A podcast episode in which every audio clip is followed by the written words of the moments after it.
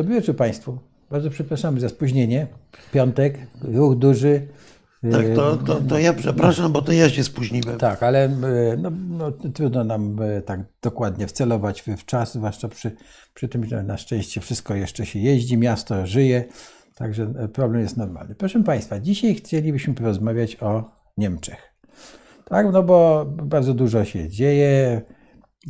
Angela Merkel odeszła, a my, co my mamy? My mamy komunikaty o, o budowie czwartej Rzeszy i plakaty z y, twórcami trzeciej Rzeszy i, i, i, i, jeszcze do tego amba, obecnym ambasadorem Niemiec w Polsce. I, no muszę powiedzieć, że jest to pewien postęp, bo ja słuchaj, pamiętam e, z czasów, kiedy e, e, stanu wojennego, jak mnie przysłuchiwali w Esbecji, to na korytarzach ubeckich wisiały takie sine taki, taki fiolet, ale taki siny fiolet, plakaty, gdzie był Adenauer w płaszczu krzyżackim i Reagan. I to byli, byli ci straszni wrogowie, którzy chcą nam zjeść nasze kurczaki i nas w ogóle zgnębić. No ten Adenauer, to ja cała chyba nasza młodość ciągle się przewijała, bo jeszcze było takich dwóch panów, Chubka i Czaja. Pamiętasz? A tak, te, oczywiście. Ty, ty, no, więcej, zawsze... ja nawet miałem okazję y, y, poznać tych panów, pracując już w rządzie polskim. Tak? Nie, nie zamordowali mnie, co więcej, niczego mnie nie zabrali, więc... Powiedzieć, dzień dobry, a to panowie tak? Tak.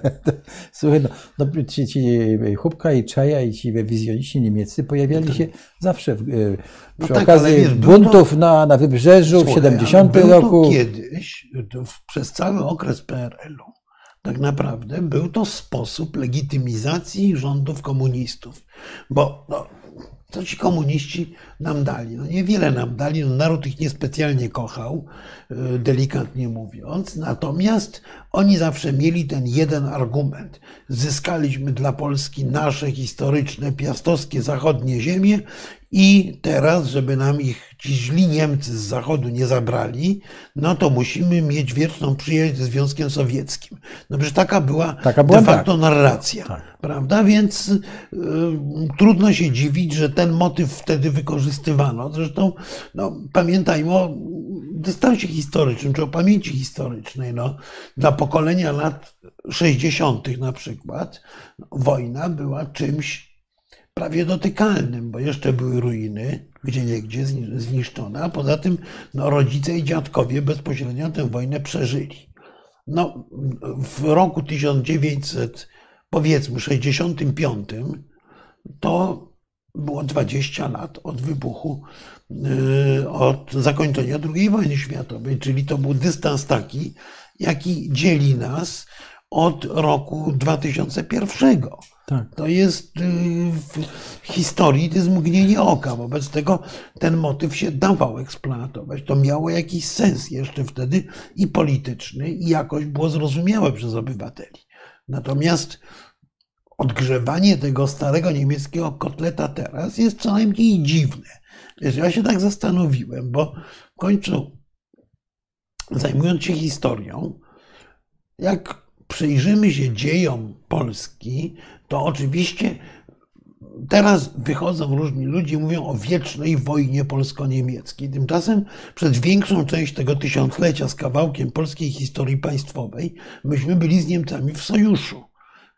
W końcu to rycerze niemieccy przywrócili na tron Kazimierza Odnowiciela to no nie, no, trzeci przywiózł no, koronę, czy, czy słuchaj, no żony, suwerenność. Żony, żony, tak, Mieszka, tak.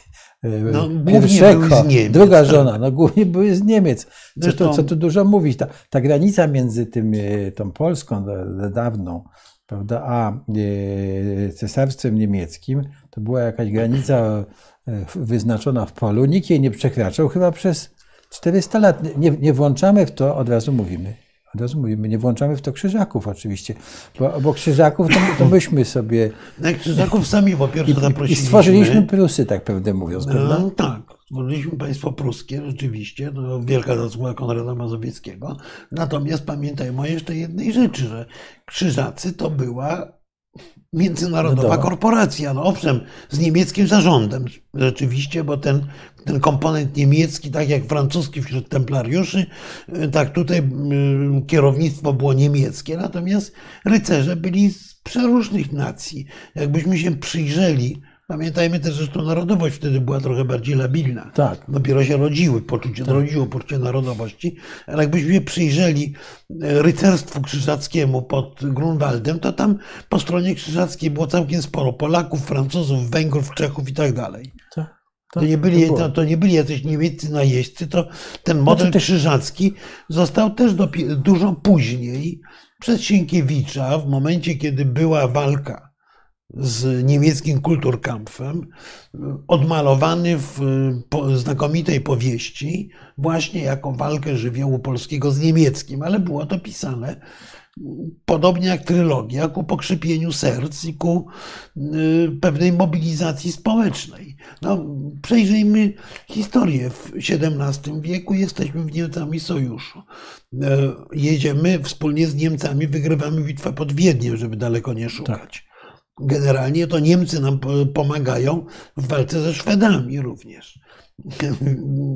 W XVI wieku też ciągle są wymiany właśnie małżeństw, tych Habsburżanek y, jest dość dużo w y, polskich, w polskich domach. Potem mamy dwóch królów niemieckich, nie najlepszych, ale mam wrażenie, że współcześnie czerpią z nich wzór, czyli Augusta II, Augusta III Sasów. No, Wettynów, których stolica była w Dreźnie tak naprawdę. Warszawa była dla nich stolicą numer dwa.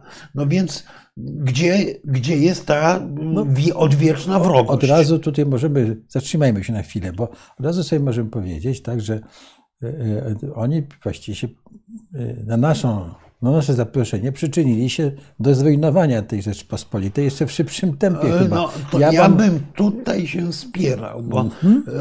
mnie czasy saskie naprawdę bardzo przypominają rządy PiSu, między innymi dlatego, że były to czasy gospodarczo, przynajmniej dla szlachty, bardzo dobre. No przecież to powiedzenie no, tak, ale e, za króla Sasa jedz, pij i popuszczaj pasa, no to ja nie powstało mówię, Ja nie mówię w sensie, w sensie gospodarczym. Dla szlachty było bardzo dobrze, tak? ale, ale e, no, Saksonia była dość rozwiniętym krajem i nic z tego, tak? Nic z, tych, z tego rozwiniętego kraju, z tej gospodarki nie zostało zaimplementowane w Polsce. No niewiele. Niewiele. Było niemożliwe. Tymczasem na północy mieliśmy przecież e, Prusy, prawda, wie, starego Fryca i no tak, no, tak, dwóch e, Fryderyków. Państwo będące własnością armii. No, i... no tak, ale, ale rozwijające się gospodarczo, prawda, no. I, i prące do przodu i, i, i i, i no nie, no, to narastającą dysproporcję. To prawda, tylko kłopot polegał na tym, że w Polsce było za dobrze, żeby implementować te rozwiązania. No, no to, był, to był pewien kłopot, ponieważ kolej, w momencie, kiedy pojawiały się, upraszczam bardzo, projekty reform, to akurat się robiła dobra koniunktura na zboże i drewno. Wobec tego eksportowaliśmy to zboże i drewno przez Gdańsk. To wszystko obsługiwali Holendrzy najczęściej y, i szlachta miała pieniądze. Polska Rzeczpospolita była bogatym krajem. Pamiętajmy, że August III, y, który w Polsce ma bardzo zły i słusznie wizerunek, był w całej Europie podziwiany za najwspanialsze bale, za, za sponsorowanie najlepszych kompozytorów. Również w Warszawie. No, budował, oś Saska powstała w tej epoce. Więc to były czasy dobrobytu, pokoju i jednocześnie totalnego politycznego marazmu.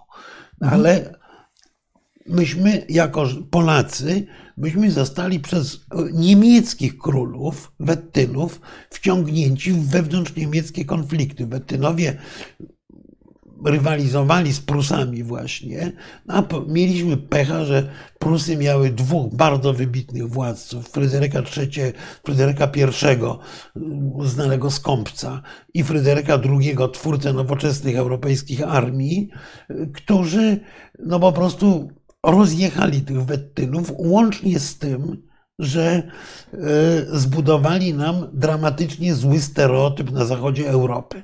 Pamiętajmy, że ostatni, ostatni proces oczary, ostatnia spalona czarownica w Europie spłonęła gdzie? W Pucku. który należał wtedy do Prus. Wyrok był zatwierdzony przez Sąd Królewski Fryca w Królewcu.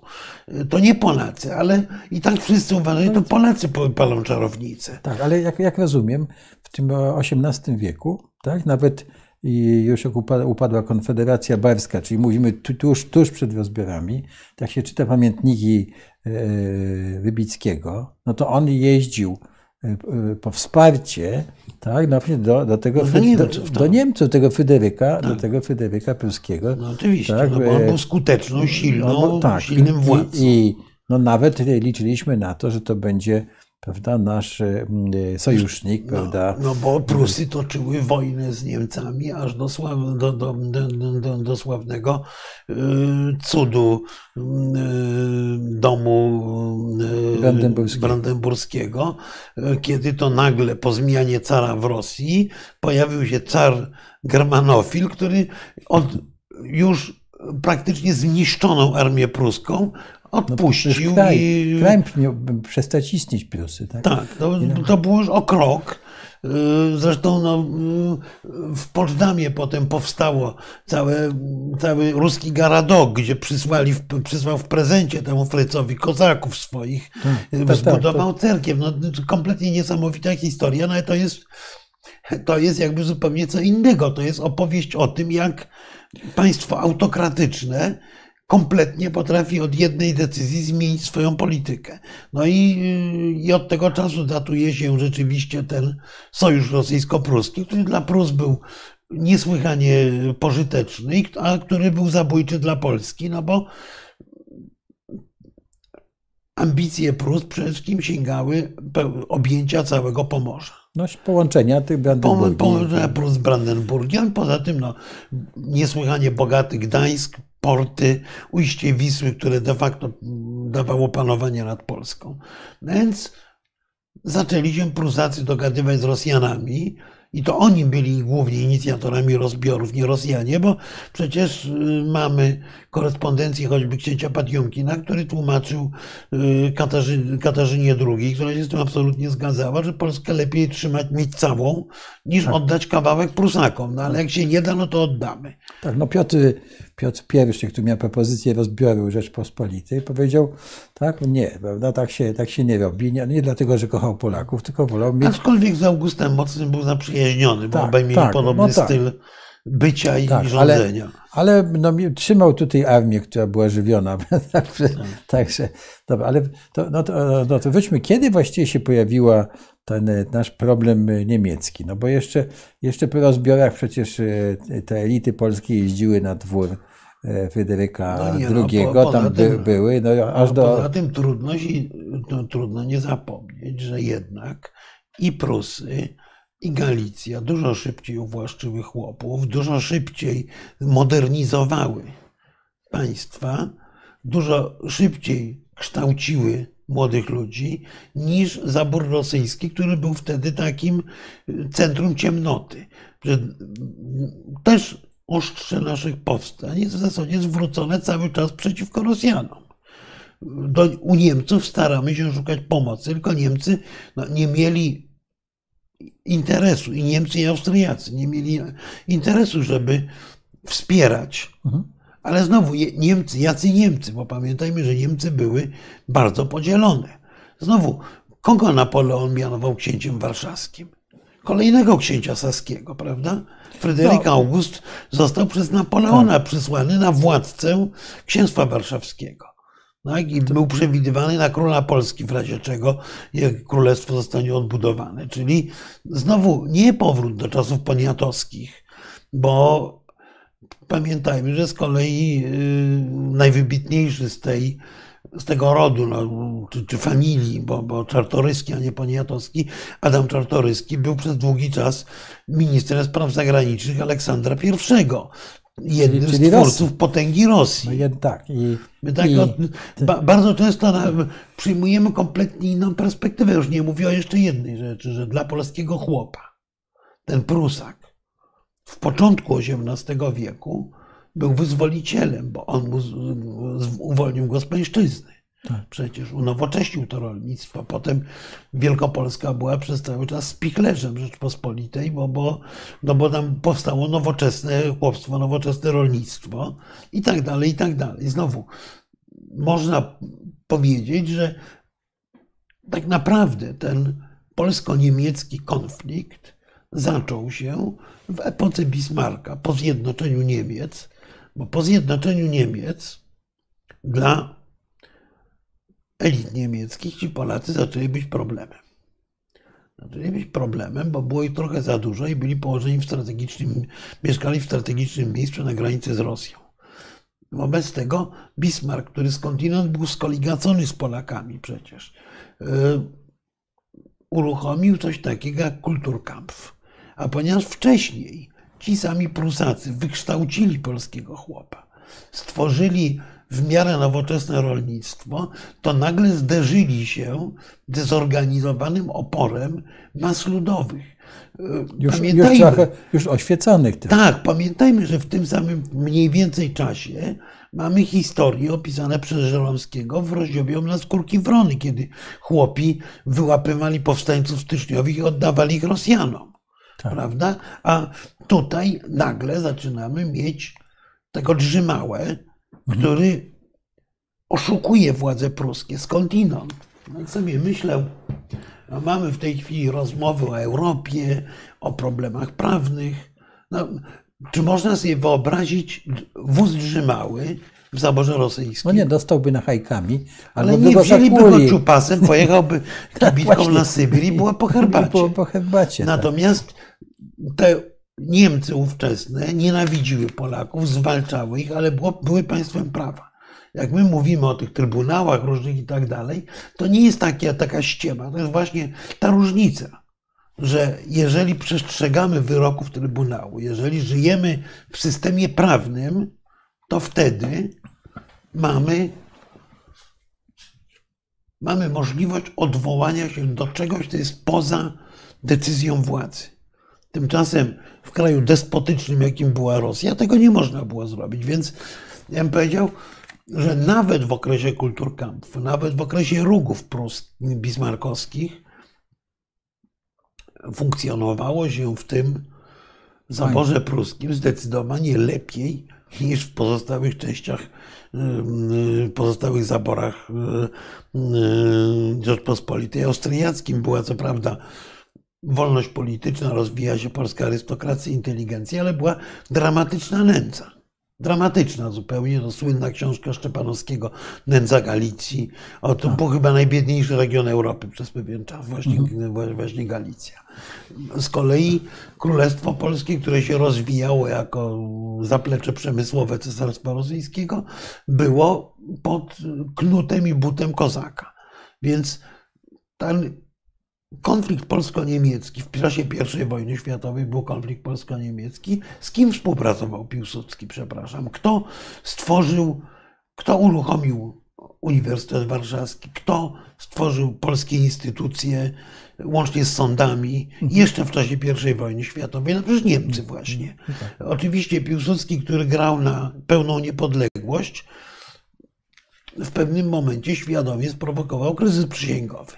Ale ale zwróćmy uwagę, kogo on wybrał za sojusznika w tej pierwszej fazie wojny, która pozwoliła stworzyć szkielet instytucji państwowych. Przecież to Niemcy zrobili.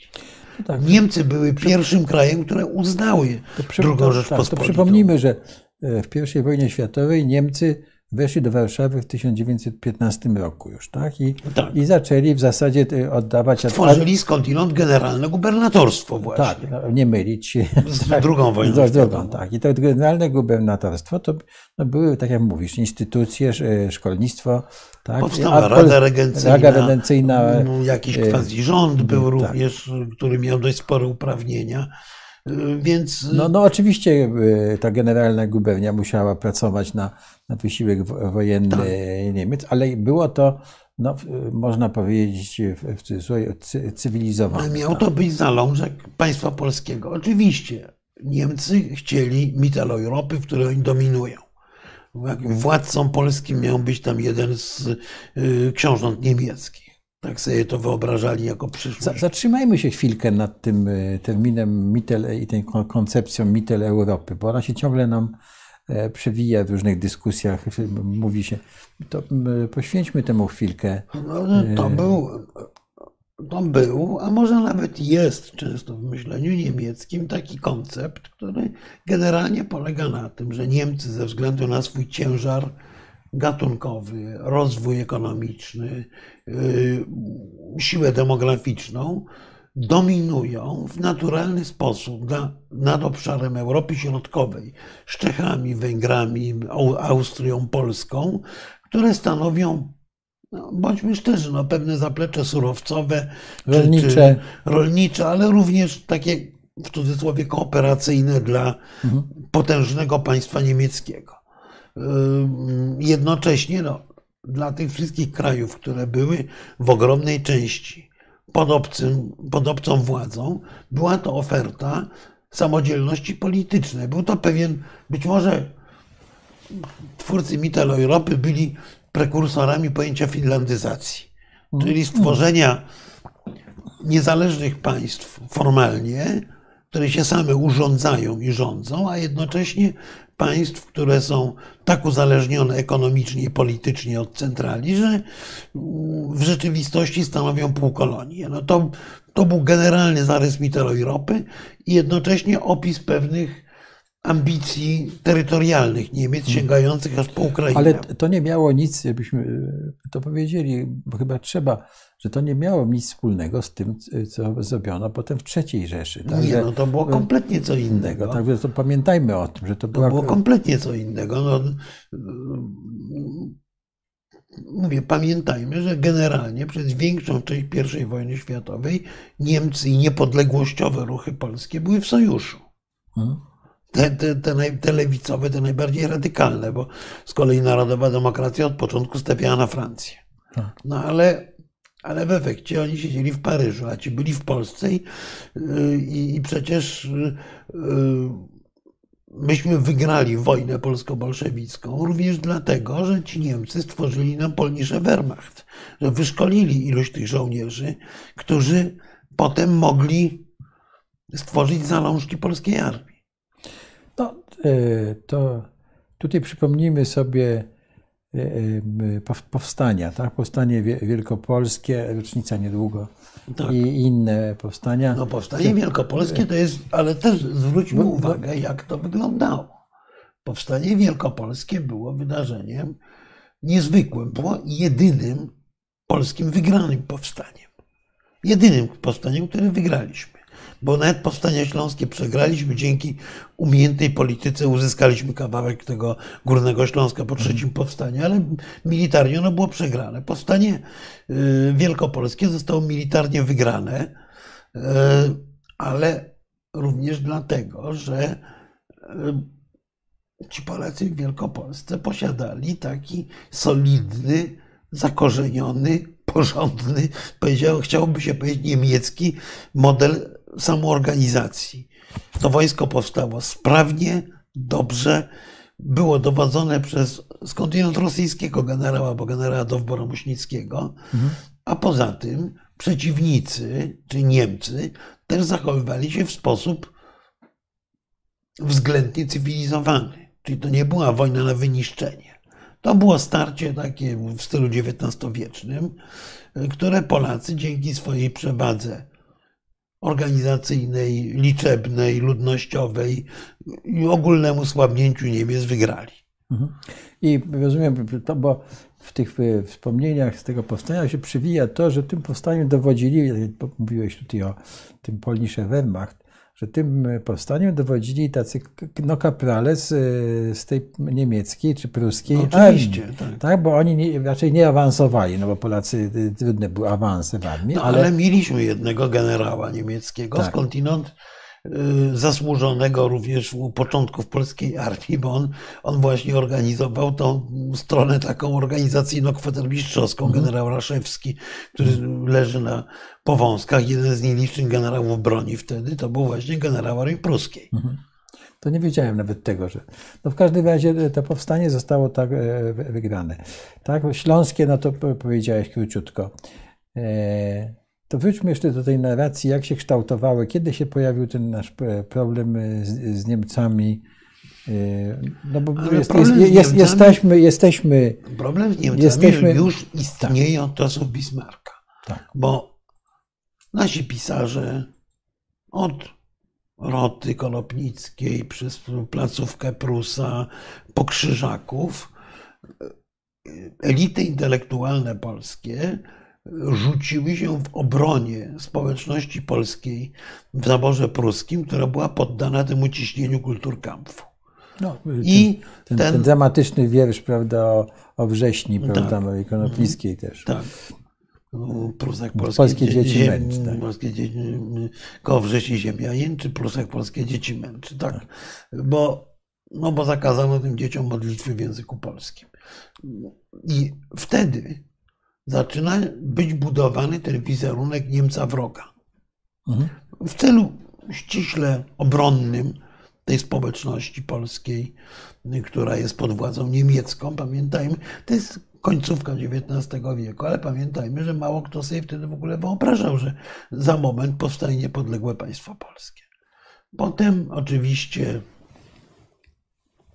Niemiec był kojarzony z okupantem, rozbrajano tych Niemców i tak dalej, pakowano w pociągi. To, to, że oni ochronili nas w pierwszej fazie przed bolszewikami, yy, rządząc na całym obszarze tak zwanego Oberostu, czyli terenów właściwie aż po Kijów, mhm. yy, jeszcze po, długo po, po, po kapitulacji tam tak, panowali no, Niemcy. Tak, tak, tak. Yy, to, wojska tam były. Tak, tak. No I w sposób bardzo cywilizowany się wycofały przez, przez terytorium Polski przecież. E, ale już tak, mieliśmy wdrukowany już cały, całą tę opowieść, e, całą tę opowieść naszych pisarzy. Mieliśmy z drugiej strony umiejętną propagandę carską. No pamiętajmy, że chłop polski z zaboru rosyjskiego miał otwarte uszy na carską propagandę.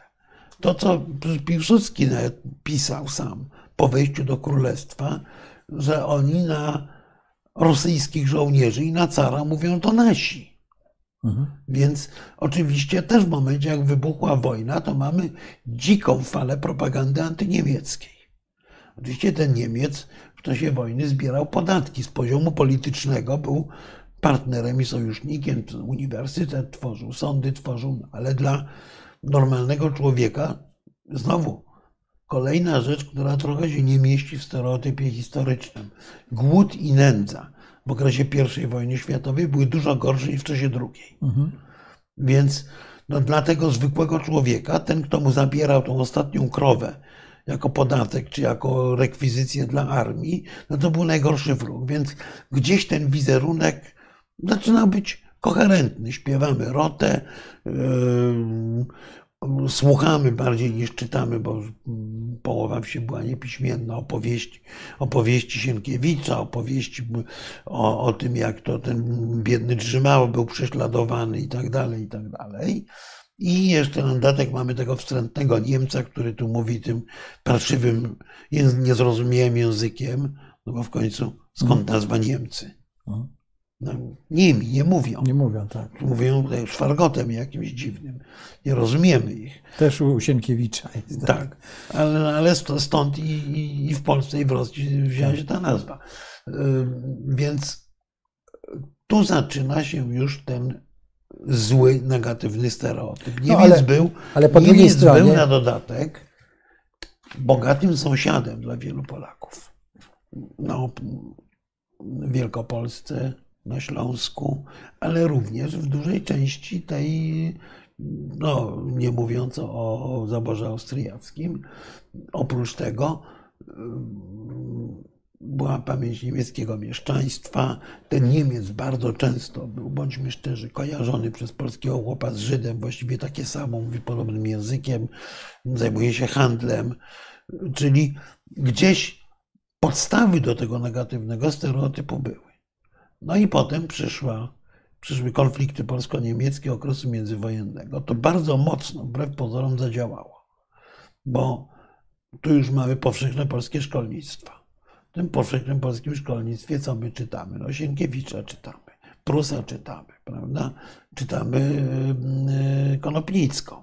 Narodowa demokracja musiała jakoś uzasadnić swoją mm, walkę polityczną, wobec tego też deła w ten antyniemieckie surmy. Do tego mamy po stronie niemieckiej przekonanie, że ta Polska jest państwem sezonowym. Sezonstadt. I nieustanna propaganda, że no, musimy odebrać te skradzione nam ziemie zaboru pruskiego, szczególnie Śląsk, szczególnie Pomorze. O Wielkopolska no, było trudno mówić, że to typu stare ziemie niemieckie. Wobec tego to docierało do opinii publicznej, która coraz bardziej staje się opinią masową. Mhm. Tego wcześniej nie było. No i ten Niemiec zaczyna się jawić jako wróg. Jako I ten, ten Polak kto, po drugiej stronie kto też. dybie na nas, na naszą niepodległość, kto dybie na moją chałupę, tak. E, dla, dla wielu ludzi na pograniczu, kto chce toczyć z nami wojnę i tak dalej, i tak dalej, i tak dalej. Więc ten, te wszystkie korzenie, mniej lub bardziej mocne tego, tej antyniemieckości polskiej, oczywiście zaczynały się szybko rozwijać w tych warunkach. No a potem przyszła druga wojna światowa, Hitler, który no, właściwie y, kompletnie zniósł ten stereotyp dobrego Niemca. Bo pamiętajmy, że na początku, przez pierwszy miesiąc niemieckiej okupacji, no to duża część polskich elit była przekonana, że to będzie tak jak w I wojnie światowej. Prawda? Kiedy profesorów Uniwersytetu Jagiellońskiego zaproszono e, do e, Kolegium Nowum na inaugurację roku akademickiego, przyszli wszyscy. Nie dlatego, że ich pędziło gestapo, a oni ich wpakowali od razu, w, zaaresztowali, wpakowali i wysłali do Sachsenhausen. No więc taki szok się dopiero odzywał. Przecież mieliśmy sytuację, w której znając ideologię hitlerowską, Żydzi uciekali z Lwowa do generalnej guberni, y, bo, no, bo tam panuje kultura. Tak. Y, dopiero no, w miarę upływu czasu ten upiorny model hitlerowskiej władzy, upiorny model terroru, który Niemcy zaprowadzili, e, no, niesłychanie wzmocnił te wszystkie antyniemieckie sentymenty, antyniemieckie zły, zły wizerunek Niemiec, Niemca i tak dalej, i tak dalej. I z tego powstał ten, e, ten konglomerat, który potem komuniści wykorzystali, snując stałą opowieść o wiecznej nienawiści polsko-niemieckiej i o mhm. Bracie Rusie, który nas y, y, od tej niemieckiej znawały uratował. To było tak. ściśle propagandowe, było to prowadzone mądrze, było to prowadzone na realnych podstawach, a potem no to, to, to, to już jest y, podtrzymywanie stereotypu. No, jedna z moich ulubionych opowiadań Szeniawskiego o profesorze Tutce to jest opowiadanie o tym, jak to profesor Tutka napisał książkę, w której udowodnił, że osioł nie jest głupi, a sowa nie jest mądra. Książka spotkała z dużym powodzeniem i pół roku później profesor Tutka był bardzo zdziwiony. Kto teraz to czyta profesora Tutkę swoją drogą? Profesor Tutka był niesłychanie zdziwiony, że mimo, że udowodnił, że osioł nie jest głupi, to ludzie dalej mówią, że jest głupi jak osioł. Siła stereotypu jest mordercza. Tak.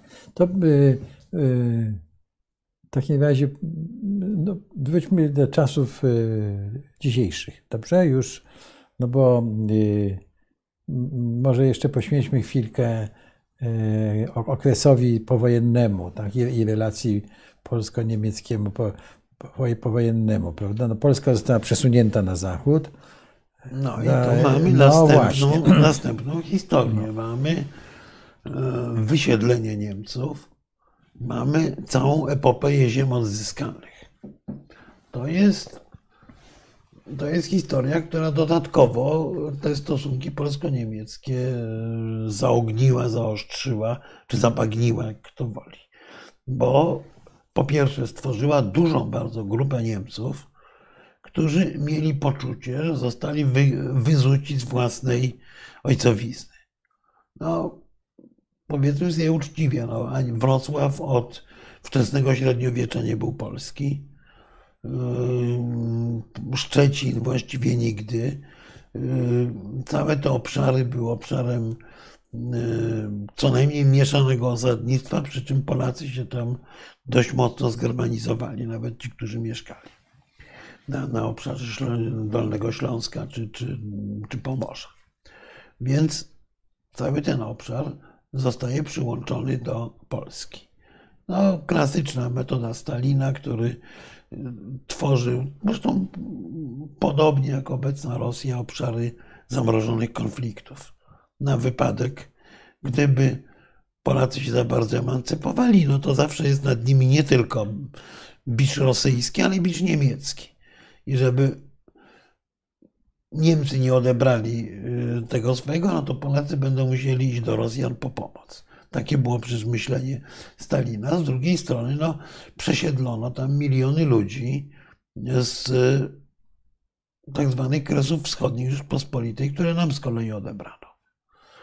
Trudno ukryć, że dla ogromnej większości przesiedlonych, zresztą zmarł akurat Sylwester Chęciński, tak. ale opowieść o tych przesiedlonych, film sami swoi, znakomicie pokazuje, że to był nieprawdopodobny awans cywilizacyjny. Ci ludzie z chałupy krytej, drewnianej chałupy krytej strzechą, gdzie mieszkali najczęściej y, razem ze zwierzyną w jednym budynku, nagle przesiedlali się do nowoczesnych, murowanych budynków, gospodarstw, znajdowali przeróżne, przeróżne dziwne rzeczy, y, których zastosowania nie bardzo znali no, ja w tych byłem, budynkach. Ja, tak, ja to jeździłem na Mazury na e, wakacje i widziałem to, prawda, że e, wodociąg został e, zużyte na coś innego, prawda? A, a studnia wróciła do, tak. do kołowrotu. Porządnej prawda? korby, tak. tak. porządnej korby, tak. Albo... Ale, ale był to de facto dla tych ludzi ogromny awans cywilizacyjny. Awans cywilizacyjny podszyty podwójną obawą. Dlaczego podwójną? Po pierwsze, ja sam to pamiętam, jeździłem od jako dziecko regularnie na, na, do, do worka Tuloszowskiego i rozmawiałem z ludźmi, no, pytając, dlaczego tam tego pięknego domu nie remontują. No co oni, a po co panie, Niemcy przyjdą i odbiorą, co będziemy Niemcom tu remontować. Prawda?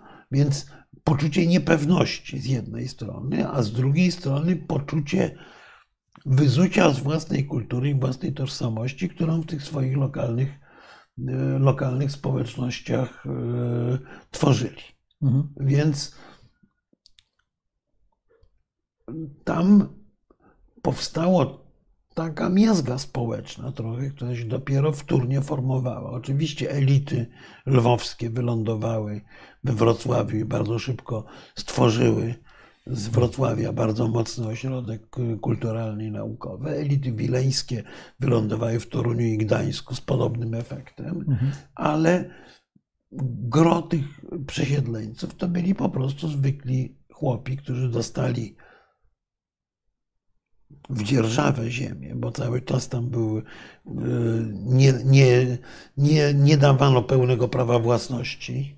Tak, no tak, no, to to była mm, świadoma do, polityka komunistów. Do, do, naszych czasów nawet nie dawano. Tak, to była świadoma polityka komunistów, osłabianie, znaczy budowania tej niepewności, budowania właśnie tej społecznej miazgi, która nie mogła się ukorzenić i wrosnąć jako pełna tkanka. No to, to, to, była, to, to, to była pewna socjotechnika. No a z drugiej strony, po zachodniej stronie granicy, mieliśmy Niemców, którzy, no, po pierwsze, przez propagandę hitlerowską zostali ukształtowani w przekonaniu, że Polacy są pod ludźmi. Mhm. Po wtóre, którzy bardzo często byli ofiarami przesiedleń, a nie wyglądało to elegancko, nie, nie, nie miejmy złudzeń. Nikt nie, nikogo nie wsadzał y, z kwiatami do, do eleganckich pociągów, tylko ci ludzie byli w dość brutalny sposób wyrzucani, czemu się trudno dziwić skądinąd, no bo, bo mhm. przychodzi, przychodzili do ich domów, przychodzili ludzie, którzy mieli realne poczucie krzywdy, mhm. ich ziomków. Oni się przychodzili zemścić również. Tak, to było. To, to, to były straszne czasy, pamiętajmy. To były niewyobrażalnie. My cały czas w gruncie rzeczy nie mamy tego opisanego tak do końca. Mamy jakieś tam pojedyncze próby filmowe opisu tego pogranicza, ale w istocie, w istocie tego problemu zdarzenia polsko-niemieckiego myśmy też nie przepracowali. Więc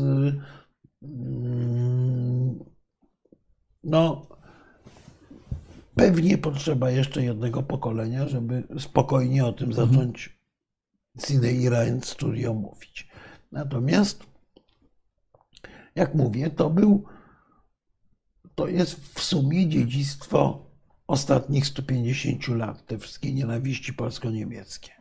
Wcześniej Niemiec był mniej więcej normalny, a nawet lepiej Niemiec był raczej sojusznikiem. Przeciwnikiem był Turek, Przeciwnikiem był Rosjanin, owszem, bo, bo e, o ile to też skądinąd zabawne, bo e, Total Shade, no proszę, e, rozumiem, że nasz zacny komentator bardzo chętnie posłuchał o tym, jak to biliśmy Niemca przez całe życie Krzyżaka i innego, no ale jako żywo historia kompletnie inaczej wyglądała. Nic na to nie poradzę. I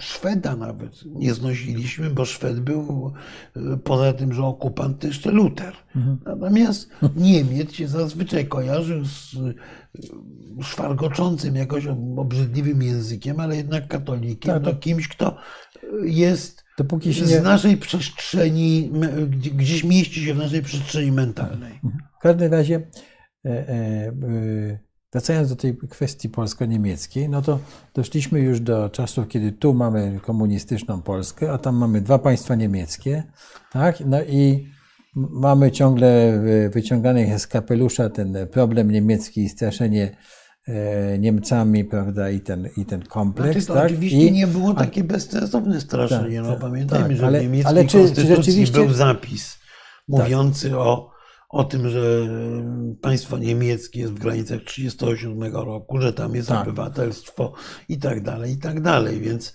myśmy byli w sytuacji kraju z nieuznawaną granicą przez ważnego tak. sąsiada na zachodzie.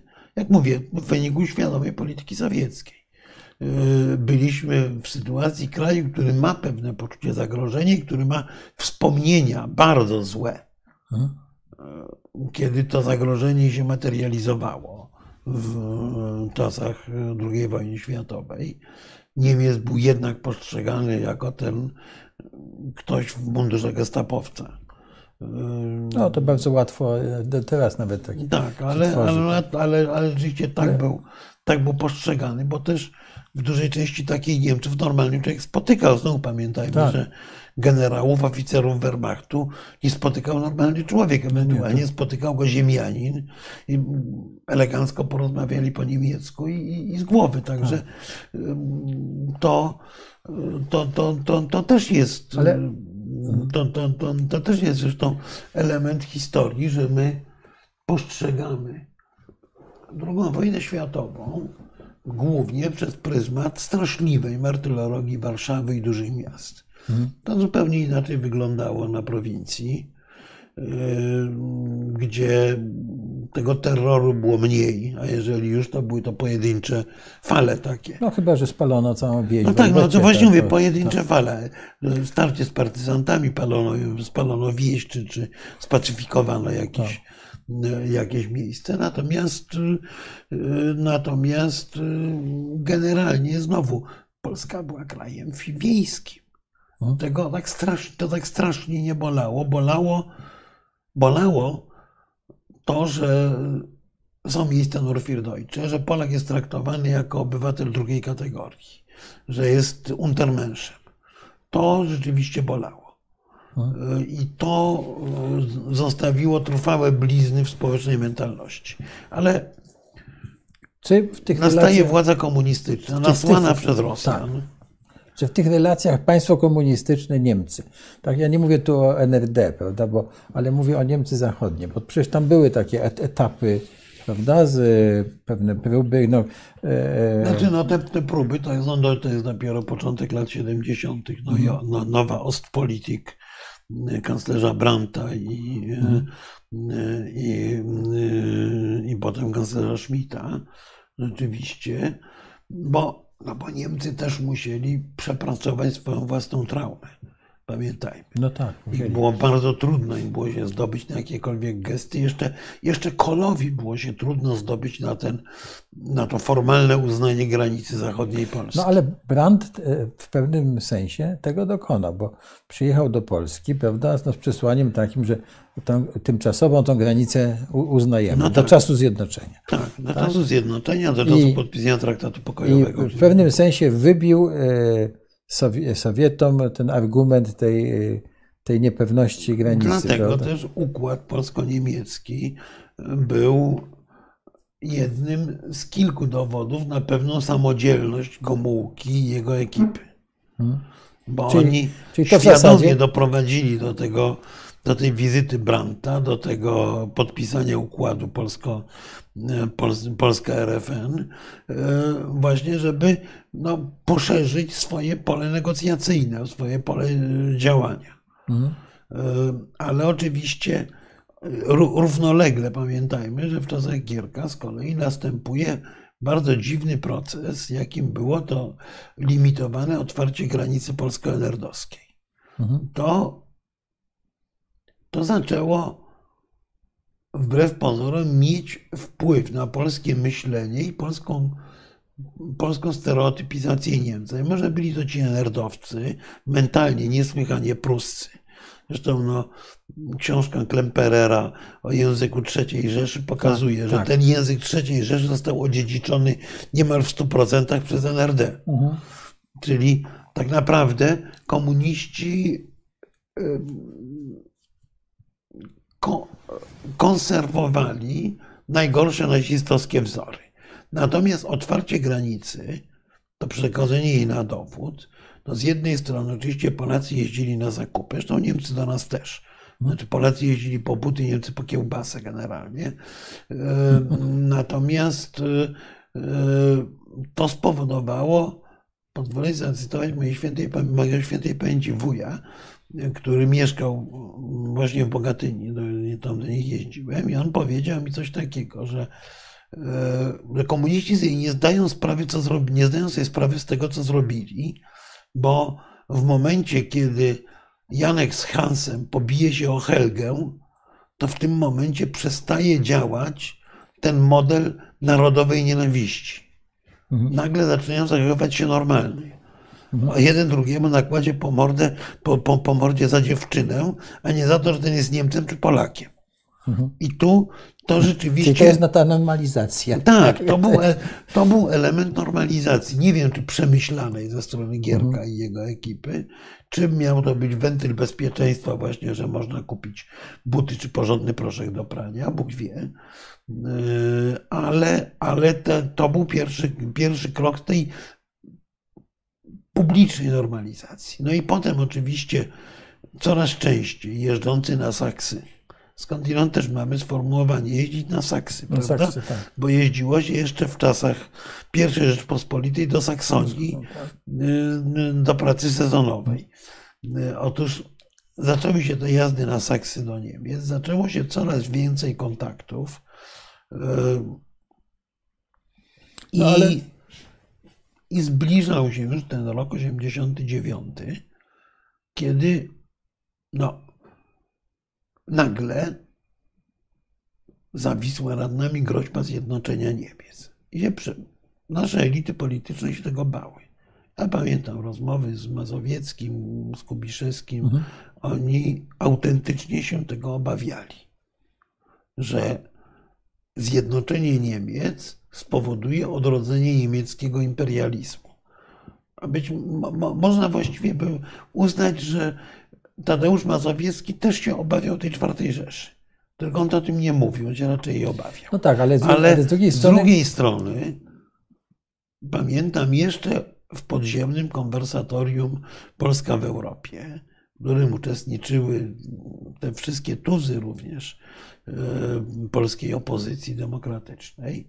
Tam właśnie po raz pierwszy Artur Hajnicz, potem profesor Garemek sformułowali tezę, jeszcze w stanie wojennym, że nie jest możliwe wyzwolenie Polski bez zjednoczenia Niemiec. Mhm.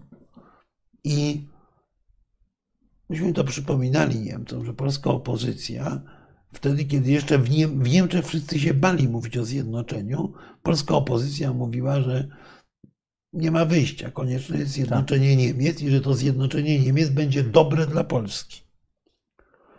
To był znakomity zaczyn ułożenia sobie potem tych relacji.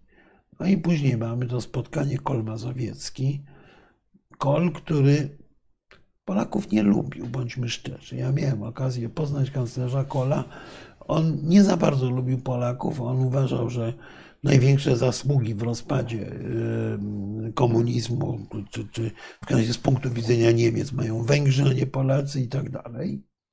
Natomiast no, ten uścisk Mazowieckiego i Kola w, w przededniu zjednoczenia Niemiec przejdzie do historii. Mhm. Przeszedł do historii. Przeszedł do historii, tak. E, przywódcy dwóch państw, które jedno było agresorem, drugie ofiarą II wojny światowej, ale które dwóch państw, które były chyba największym beneficjentem upadku komunizmu w pierwszej jego fazie, E, wymieniają uścisk w symbolicznym miejscu na Śląsku.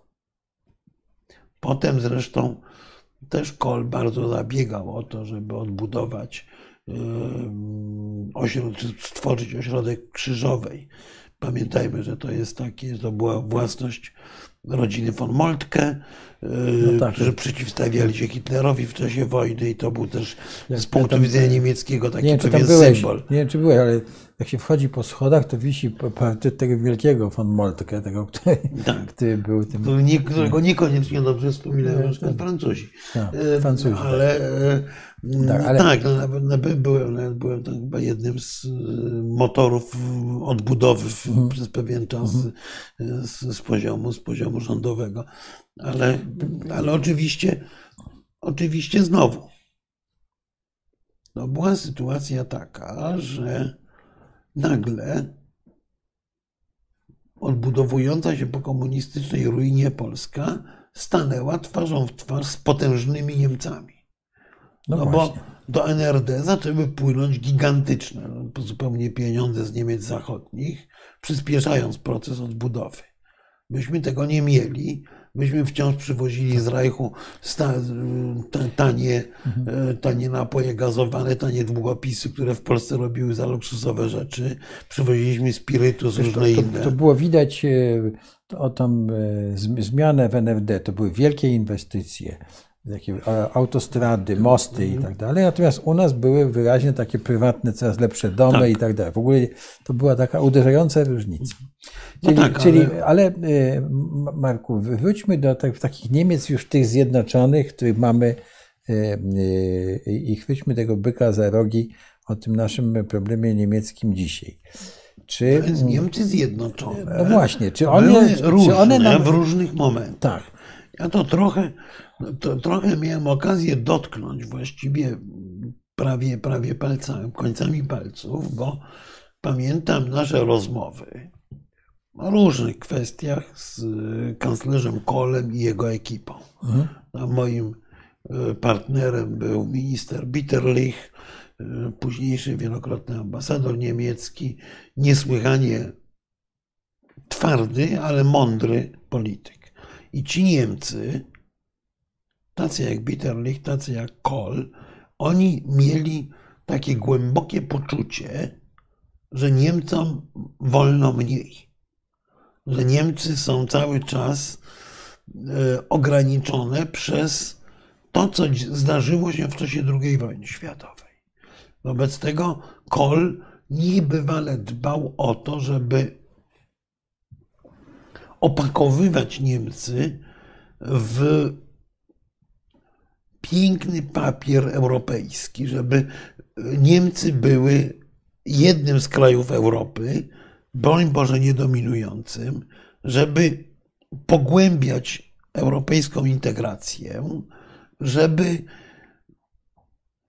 broń Boże nie wzbudzić w nikim podejrzenia, że państwo niemieckie dąży do odbudowy jakiejś potęgi. To się i, i cały czas w tle się pojawiała ta kwestia winy za zbrodnie II wojny mhm. światowej. Zupełnie inaczej zaczęło to, zaczęło to wyglądać, kiedy do władzy doszła ekipa Gerharda Schrödera. To było inne pokolenie, mhm. ludzie młodsi. I tutaj na przykład już też miałem bardzo trudny cykl negocjacji, zresztą niezakończonych żadnym sukcesem, z doradcą, z doradcą Schrödera, Michałem, Michałem Steinerem, e, gdzie mój partner niemiecki wielokrotnie powtarzał, że nasi rodzice, nasi dziadkowie odpokutowali już za winy II wojny światowej. Chcemy, żeby nas traktować normalnie. I on co, od tego zaczynał rozmowę? No nie, ale to padało w pewnym momencie. Niemcy, te negocjacje dotyczyły tego, że Niemcy chcieli, żebyśmy unieważnili tak zwane dekrety Bieruta, czyli mhm. dekrety o przejęciu własności niemieckiej. No więc dla nas było to zarówno z powodów ekonomicznych i politycznych nie do przyjęcia. I ja mu to jak chłop krowie na pastwisku tłumaczyłem, właśnie odwołując się do tych argumentów z okresu II nie, wojny to światowej. To było, wiesz, otwarcie puszki Pandory. No to przecież... Jak... Nie, nie. No zresztą naciskali jeszcze mocniej oczywiście na Czechów. Także myśmy tu występowali wspólnie z partnerami czeskimi sprzeciwiając się temu i próbując temu Steinerowi nieszczęsnemu wytłumaczyć, że ma to pewien posmak nieprzyzwoitości, tak naprawdę. Mhm.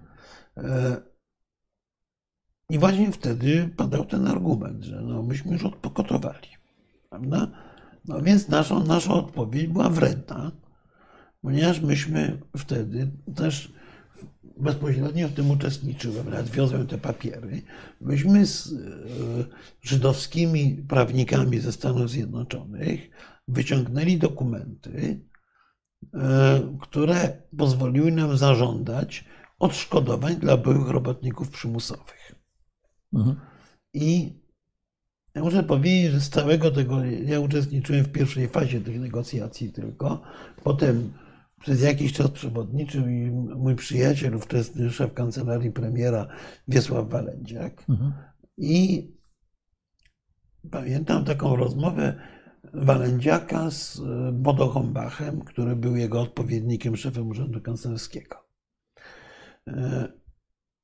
E, Hombach zaczął, i to też pokazuje, jak była inna mentalność tego kolejnej generacji. A już mówimy tutaj o roku. Nie, mówimy o przełomie lat 90., 2000. Tak. Mhm. W 98 no tak. roku. No tak, już mówimy to już o 8 lat 9, po, po, tak. zjednoczeniu, już jesteśmy tak. prawie w Unii. Otóż, tutaj... Hombach w pewnym momencie do Walędziaka wypalił, że przecież Ci polscy robotnicy przymusowi to w Niemczech mieli lepiej niż u siebie. Nie głodowali, mm, mieli opiekę i tak dalej. To oczywiście było nieprawdą i bzdurą, ale było powieleniem przez niego tego durnowatego stereotypu, który to pokolenie niemieckie już miało. Więc ja pamiętam, jak Walędziaków wtedy odpalił. Tak, mieli rzeczywiście bardzo dobrze. Moja babka umarła na robotach z głodu. I ten, temu, ten poszarzał na twarzy, opadła mu szczęka i właściwie skończyły się negocjacje. On, on, on, już, nie, nie miał, on już nie miał argumentów. No hmm. tylko, dobra. Tak, ale to mówimy, że oni jednak y, no, cały czas próbowali coś uzyskać, nie, bo odzyskać. Oni, tak... oni chcieli po prostu uzn y, uznania tego, że oni są normalni. Hmm. Pamiętajmy, że dopiero chyba w roku 1998 e, z karty Narodów Zjednoczonych wykreślono zapis o państwach nieprzyjacielskich. Mhm. Przecież w ONZ Niemcy, Japonia i Włochy miały zupełnie inny status niż pozostałe państwa, bo były określone jako państwa nieprzyjacielskie. Mhm. Myśmy wtedy to poparli zresztą. Ale czy y, myślisz, że oni, y, znaczy, że Niemcy od tamtego, mówię o tym. Y, znaczy, końców, okres rządów Schrödera. Tak.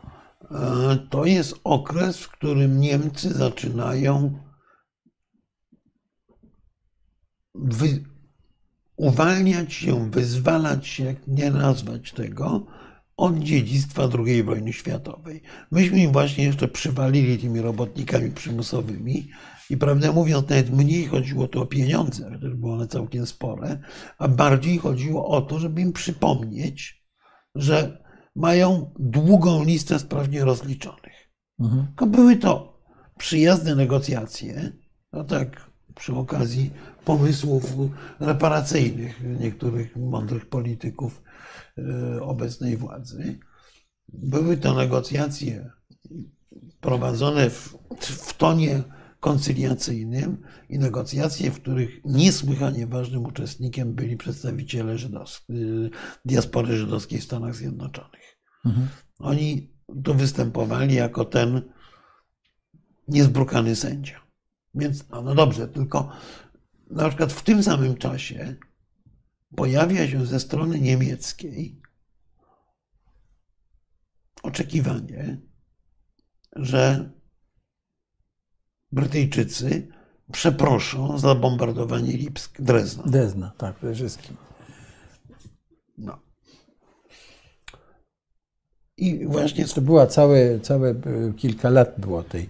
No tej no tak, tej... ale to, to było w ogóle w pewnym momencie, to się pojawiło w takiej formule, że no, Niemcy nie życzą sobie wizyty królowej Elżbiety, ponieważ Anglicy nie przeprosili za tą zbrodnię przeciwko ludzkości. Mhm. No. Powiedzmy, że to było bardzo ciężkie bombardowanie. Tak, to, tak, było, to była oczywiście masakra. Masakra. No. Jest powieść Kurta Foneguta, tak. który był jeńcem amerykańskim wtedy w tak. Dreźnie. Września numer 5 to się chyba tak. nazywa ta tak, tak, no, no, tak, ale... Miasto zostało zmiecione konwencjonalnym tak. bombardowaniem z powierzchni ziemi, rzeczywiście. E, natomiast, nie, nie pamiętam ile, dziesiątki tysięcy ofiar. Mhm. E, no dobrze, tylko no to by oznaczało, że stawiamy na równi ofiary i napastnika, prawda? Mhm. No, być może przy obecnym modelu poprawności politycznej to by się nawet jakoś sprzedawało, ale wtedy szczęśliwie jeszcze nie. Tylko do czego to prowadzi? Otóż na przełomie lat 90. i 2000 Wtedy, kiedy odchodzi to pokolenie Kola, to pokolenie, które jeszcze pamiętało wojnę, pokolenie Mazowieckiego w Polsce, e, Niemcy postanowili zrzucić z siebie te krępujące ich więzy winy za II wojnę światową. Tak. Chcieli, czy próbowali powiedzieć, że jest posprzątane, ponieśliśmy karę, nie, nie odżegnujemy się od winy, ale odczepcie wreszcie się od nas, bo to było 50 lat temu. Mhm. I to oczywiście przestawiło kompletnie niemieckie myślenie, bo yy, Niemcy wcześniej miały takie przekonanie właśnie, że im wolno mniej. W Europie się mówiło przecież, że Unia Europejska to jest y, wóz, który ciągnie niemiecki koń powożony przez francuskiego woźnicę. Tak. No bo Niemcy nawet nie przyszło im do głowy, mimo ich po zjednoczeniu ich ogromnej potęgi, y, że a poza tym są potęgą, to jest różnie, bo przecież bezpośrednio po zjednoczeniu, przynajmniej przez pierwsze 5-6 lat, Niemcy głównie płacili koszty zjednoczenia. Mhm. Czyli ich budżet był potwornie obciążony właśnie sprzątaniem byłej NRD. Mhm. Skądinąd to sprzątanie do dzisiaj nie nastąpiło do końca. To fakt. To, to, to, te Niemcy są wciąż przepołowione. Natomiast no, to nie dawało im wystarczającej energii do występowania na zewnątrz. Mimo, że były najludniejszym krajem Europy, że gospodarka była już najpotężniejsza wtedy i tak dalej. Natomiast właśnie gdzieś na przełomie stuleci czy tysiącleci nawet, no, Niemcy uznali, że oni posprzątali po sobie i u siebie i powinni się upomnieć o nieco większe znaczenie. Tutaj wchodzimy w erę bardzo ciekawą, tak naprawdę, erę Angeli Merkel. Angela Merkel, która ma tam częściowo polskie korzenie, yy, która pochodziła z byłej NRD, która była związana z, no, powiedzmy, nerdowską opozycją, która jakby wiedziała, czym był realny socjalizm, jak yy, w wyniku II wojny światowej ucierpiała Europa Środkowa. Angela Merkel to niemieckie przywództwo w Europie budowała w sposób niebywale mądry, niebywale umiarkowany.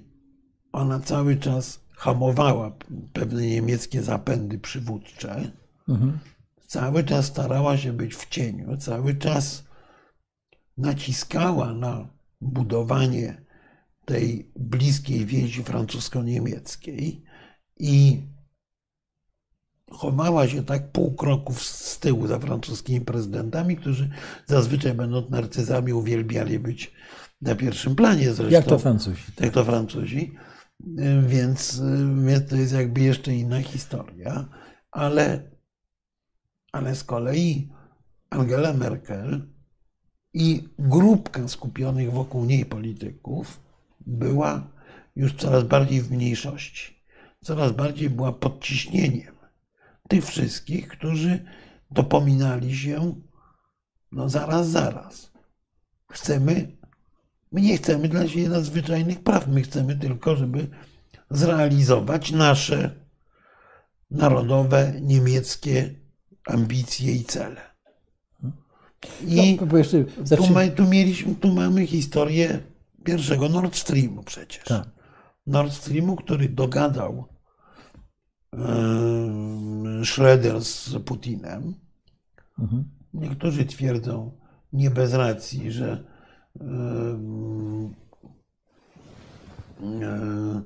no, komentarz taki trochę obok, patologia w rodzinach przeniesie do rządów. Tak. Natomiast wracając do, do, do, do, tej, do tej rozmowy, Schroeder dogadał się z Putinem, bo cała ówczesna lewica europejska chciała tak naprawdę rządzić Europą strasząc niedźwiedziem. E, a Putin bardzo umiejętnie handlował z Blairem, z mhm. Schröderem, z Chiraciem, swoją sympatią i otwartością Rosji.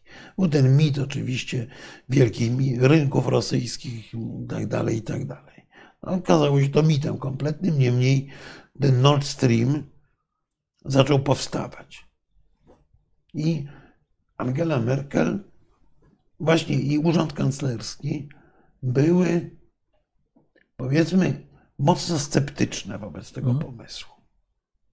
Niemcy z otoczenia Merkel, bo teraz wszyscy ją oskarżają o ten Nord Stream, Niemcy z otoczenia Merkel e, suflowali Polak, polskiej stronie, żeby jednak no, w mądry sposób spróbować przeciwdziałać temu, że Niemcy nie będą się upierali, jeżeli mhm. będą mieć argumenty. Mhm. Tylko myśmy wtedy mieli pierwszy rząd PiSu, który uważał, że zasadniczo wystarczy mieć rację, a nie trzeba mieć argumentów. Mhm. No i, i, no w momencie, jak już Niemcy zabrnęli w ten Nord Stream, no to już było za późno. To już było trochę za późno, żeby, żeby cokolwiek zrobić, no bo logika biznesu była taka, że im się to opłacało po prostu. No oczywiście, oczywiście yy, to sprawiło, że pozycja Niemiec jeszcze się wzmocniła. Niemcy zaczęły być brokerem bezpieczeństwa energetycznego dla regionu, prawda? Yy, do tego no, cały czas rosła siła Niemiec jako gospodarki. Niemcy, jako jedna z niewielu gospodarek Zachodu, nie ulegli pokusie dezindustrializacji. Bez tego cały czas mieli mnóstwo produktów, które budowały ich wizerunek, ich markę, ale mhm. które jednocześnie stabilizowały budżety, więc y, Niemców mniej na przykład dotykały jakieś załamania finansowe, czy na rynkach finansowych, no bo, bo mieli tę drugą nogę. Do tego wreszcie Niemcy weszły w bardzo intensywną kooperację z Chinami. I, i właśnie, coś, co niekiedy przywołuje projekt Mitteleuropy. Europy. Niemcy zbudowały bardzo mocną współpracę gospodarczą z całym regionem Europy Środkowej. W tej chwili, jakbyśmy popatrzyli na statystyki wymiany handlowej Niemiec, to handel Niemiec z Polską, Czechami, Słowacją i Węgrami jest większy niż handel niemiecki z Chinami. Nie mówiąc o rosyjskim, bo ten jest w ogóle nieporównywalny. W, w jakimś sensie Niemcy zbudowali gospodarczą Mitteleuropę, bo nie ma się co oszukiwać. No jest to, jest to pewna peryferyzacja gospodarki, dlatego że my jesteśmy dostarczycielami półproduktów, jesteśmy dostarczycielami względnie taniej siły roboczej i tak dalej dla niemieckiej marki. Mhm. Oczywiście jesteśmy ważnym, tutaj już niezbędnym ogniwem kooperacyjnym, ale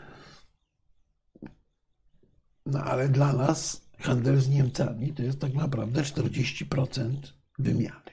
To pani Christina powiada, że Niemcy teraz znowu chcą być dominującym imperium. Ja tak sobie myślę, czy, czy Niemcy chcą być dominującym imperium. Niewątpliwie Niemcy mają w tej chwili poczucie siły i poczucie tego, że e, ich głos w Europie powinien być głosem decydującym. To prawda. Mhm. Mówię o całości niemieckiej klasy politycznej, jest zróżnicowana pod tym względem. E, natomiast czy Niemcy mogą być dominującym imperium? Otóż nie mogą być. I na tym polega ich nieszczęście, ich nieszczęście czy, czy, czy, czy może na tym polega problem, z którym się zdarzają i Niemcy, i my. Że Niemcy są za duże na Europę, ale są za małe na świat. E, więc nawet Niemcy nie są mocarstwem w skali dzisiejszych mocarstw światowych. Niemcy nie są równorzędnym partnerem dla Chin, dla Stanów Zjednoczonych, na poziomie militarnym, na pewno dla Rosji, nawet nie bardzo dla Indii, mimo że gospodarka tu już jest podobnej wielkości. E, właśnie dlatego, że są za małe. Więc szansą dla Niemiec jest to, żeby się umocnić wewnątrz Zjednoczonej Europy. Ale z drugiej strony Niemcy w Zjednoczonej Europie będą miały głos znaczący, ale mimo wszystko niedominujący. I to jest problem. Dla nas przede wszystkim, ale nie tylko w jaki sposób pogłębiać tę integrację europejską, tak żeby Niemcy były otorbione w jakimś sensie, i z drugiej strony, żeby wykorzystać niemiecką dynamikę, siłę i potęgę dla wzmocnienia Europy. No i nas. I nas, bo jak mówimy o problemie armii europejskiej, Dzisiaj w Stowarzyszeniu Euroatlantyckim rozmawialiśmy o tych kwestiach wojskowych. Więc jak mówimy o problemie armii europejskiej, to okazuje się, że kluczem jest to, żeby Niemcy zaczęli wreszcie wydawać na wojsko. To jest paradoks, prawda? Bo myśmy zawsze bali się niemieckiej siły wojskowej. Tymczasem teraz mam wrażenie, że się dopominamy, w Polsce, a nie tylko w Polsce, w całej Europie, o to, żeby Niemcy wzmocniły swoją armię. No, tego nie było od kilkuset lat. Mhm. Ale z kolei bez armii niemieckiej trudno mówić, czy bez Niemiec trudno no, mówić europejskiej. o armii europejskiej jakiejkolwiek, czy w ogóle o jakiej, o europejskim filarze obronnym NATO. Wobec tego znowu stoimy przed piekielnie trudnym pytaniem. Czy to, że Europa powie Niemcom, odbudujcie armię, nie skończy się odbudową niemieckiego militaryzmu, który był dla Europy dramatycznie groźny. Więc... Czyli, czyli ten duch jednak uważasz, że y, nie wiem. Prawda? Na razie go nie ma, ale, nie ma. ale myślę, tak. że nie został przebity osikowym kołkiem, mhm. Y, tylko może się dość łatwo odrodzić. Tak jak tak jak właśnie się odrodziło to niemieckie oczekiwanie, że Niemcy będą tak, bo to potęgą. To, tak, ale... Też się wydawało to niemożliwe, prawda? Hmm. Niemcy byli zawsze tacy, my tu, prawda, w kąciku malutcy, bo, bo mamy takie ciężkie... No ale sami mówiliśmy, że te pokolenia nowe wyrosły i oni już... Te nowe pokolenia są z kolei niesłychanie pacyfistyczne.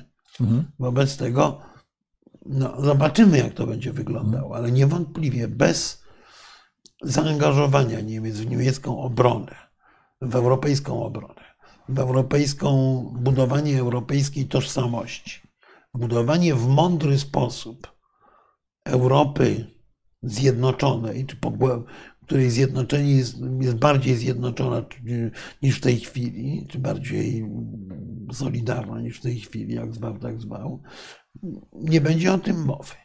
Teraz powstaje pytanie, a co jeżeli Niemcy A nie zaangażują się w to, B nie będą mieli na to ochoty, C inni nie będą mieli na to ochoty. No to wtedy następuje coś, co można by określić mianem rozpadu jedności europejskiej, ale z kolei do czego będzie prowadzić rozpad jedności europejskiej z naszego punktu widzenia? No bo jeżeli Niemcy zostają jako samodzielne europejskie, europejskie lokalne mocarstwo. To przestaje być e, e, kontrolowane przez te struktury. No. Po pierwsze, przestają być kontrolowane przez te struktury, a to jest pierwsza połowa. Ale jaka jest logika niemieckiego, niemieckiej potęgi? Jeżeli zostaje ona osamotniona, jeżeli Niemcy nie mogą, nie mogą przewodzić Europie, no to w naturalny sposób dogadują się z drugim wielkim, czyli z Rosją. Tak. Czyli ci wszyscy nasi geniusze, którzy opowiadają o Europie ojczyzn, notabene, ludzie z niemieckiej prawicy, bardzo niedawno z nimi rozmawiałem, którzy usłyszeli o tych oskarżeniach o czwartej Rzeszy, która ma obejmować Europę, to oni się postukali w czoło i oni powiedzieli, to jest, któryś z publicystów zresztą niedawno napisał, że głównym hamulcowym Federacji Europejskiej była Angela Merkel. I to, że Europa Była, tak. nie jest dużo bardziej, nie jest bardziej sfederalizowana niż jest, zawdzięczamy to głównie Niemcom. Tymczasem nasi różni geniusze oskarżają Niemców o to, że oni chcą stworzyć jakąś federację europejską, w której będą rządzili. No nieprawda. No, dokładnie no, odwrotnie, ale też w interesie Niemiec imperialnym, tych, którzy myślą kategoriami imperialnymi, w interesie Niemiec leży podzielona Europa. No bo jeżeli gramy jeden na jednego, no to Niemcy w Europie nie mają przeciwników. Mhm. Z każdym wygrywają. Tak. Każdego sobie tak. podporządkują.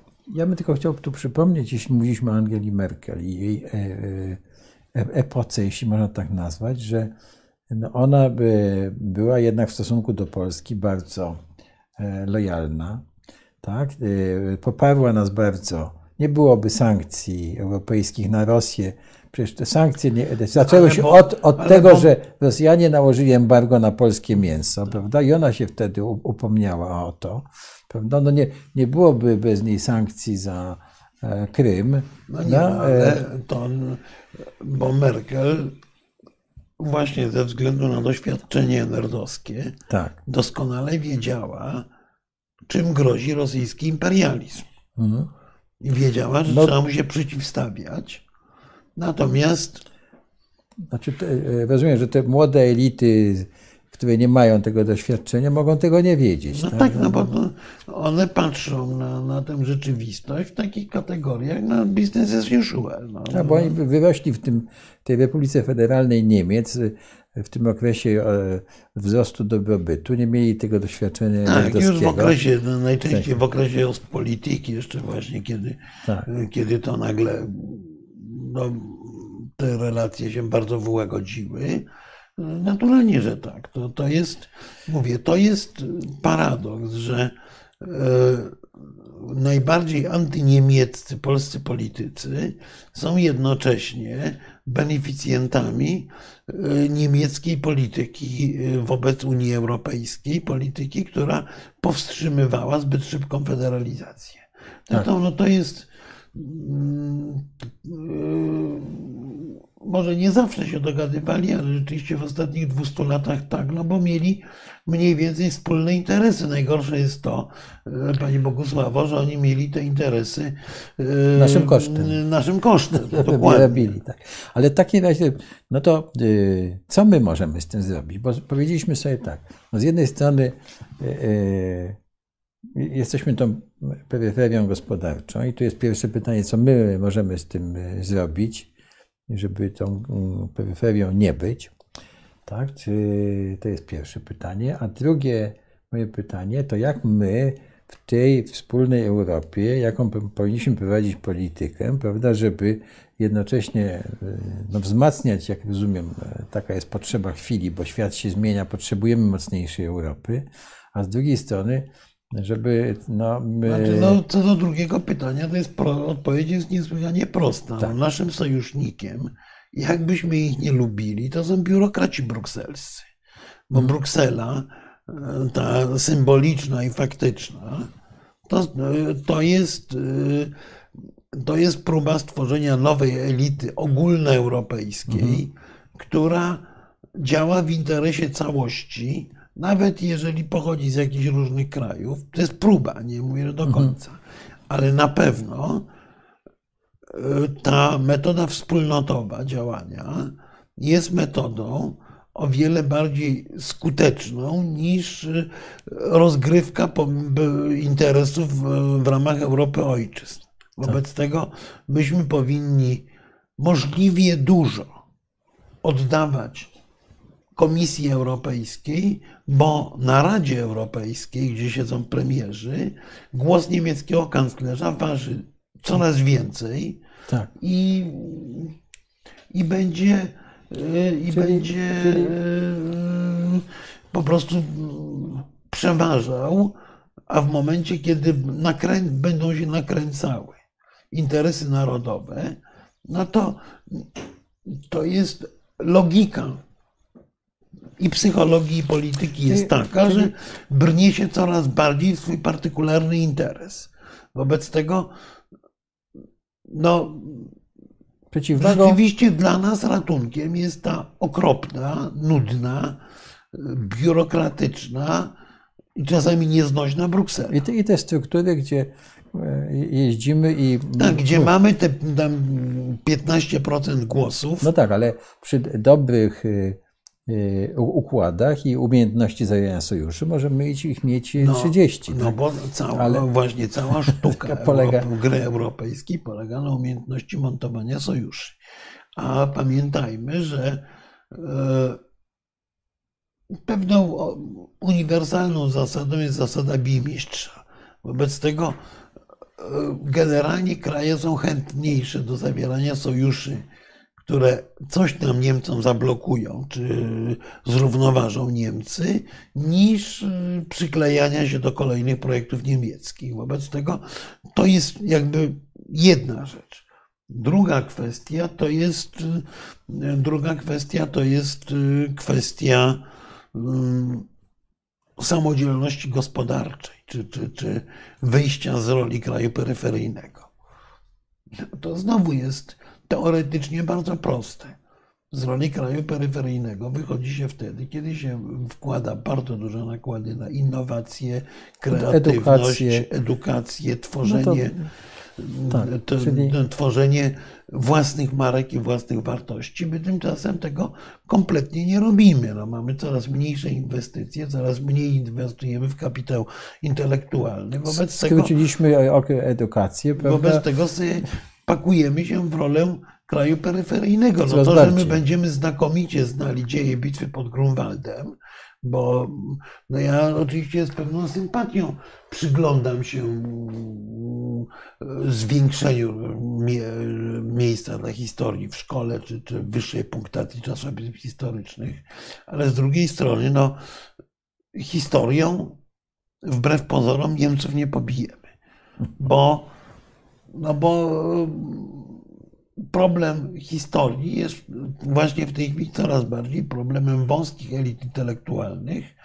Ludzie tak zwani normalni, czytelnicy internetu, uważają, że tę historię przepracowali nie mają ochoty do niej sięgać. To mi się może nie podobać, ale tak to wygląda. Więc poza tym ja myślę, że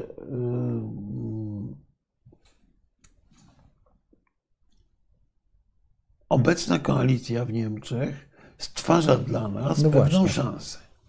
Bo zwróćmy uwagę, Co że mówią? w umowie koalicyjnej trzech partii między innymi pojawia się pomysł wzmocnienia czy, od, czy reaktywacji, reanimacji Trójkąta Weimarskiego. O Trójkącie Weimarskim profesor Geremek zwykł był mawiać, że jest to kręgosłup Europy. Trójkąt Weimarski, czyli ściślejsza współpraca pomiędzy Francją, Polską i Niemcami. Mhm. I teraz tak. Niemcy zapisali ten trójkąt weimarski, ale również zapisali federalizację Europy. Pod wpływem zielonych głównie. Ale socjaldemokratów też. Tutaj największym przeciwnikami byli chadecy. E, otóż zapisali ten trójkąt weimarski między innymi po to, żeby stworzyć wiarygodny dyrektoriat Europy. To jest dla nas prosta propozycja. Wejdźcie z nami do zarządu firmy. Mhm.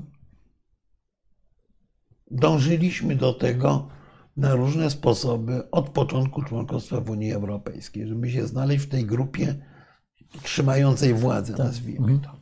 Bo zwróćmy uwagę, jak wygląda ten proces decyzyjny w Unii najczęściej. Taki prawdziwy, a nie ten, który dla gawiedzi jest produkowany. Otóż zwykle spotykają się kanclerz Niemiec z prezydentem Francji, a jeszcze częściej ich doradcy do spraw zagranicznych.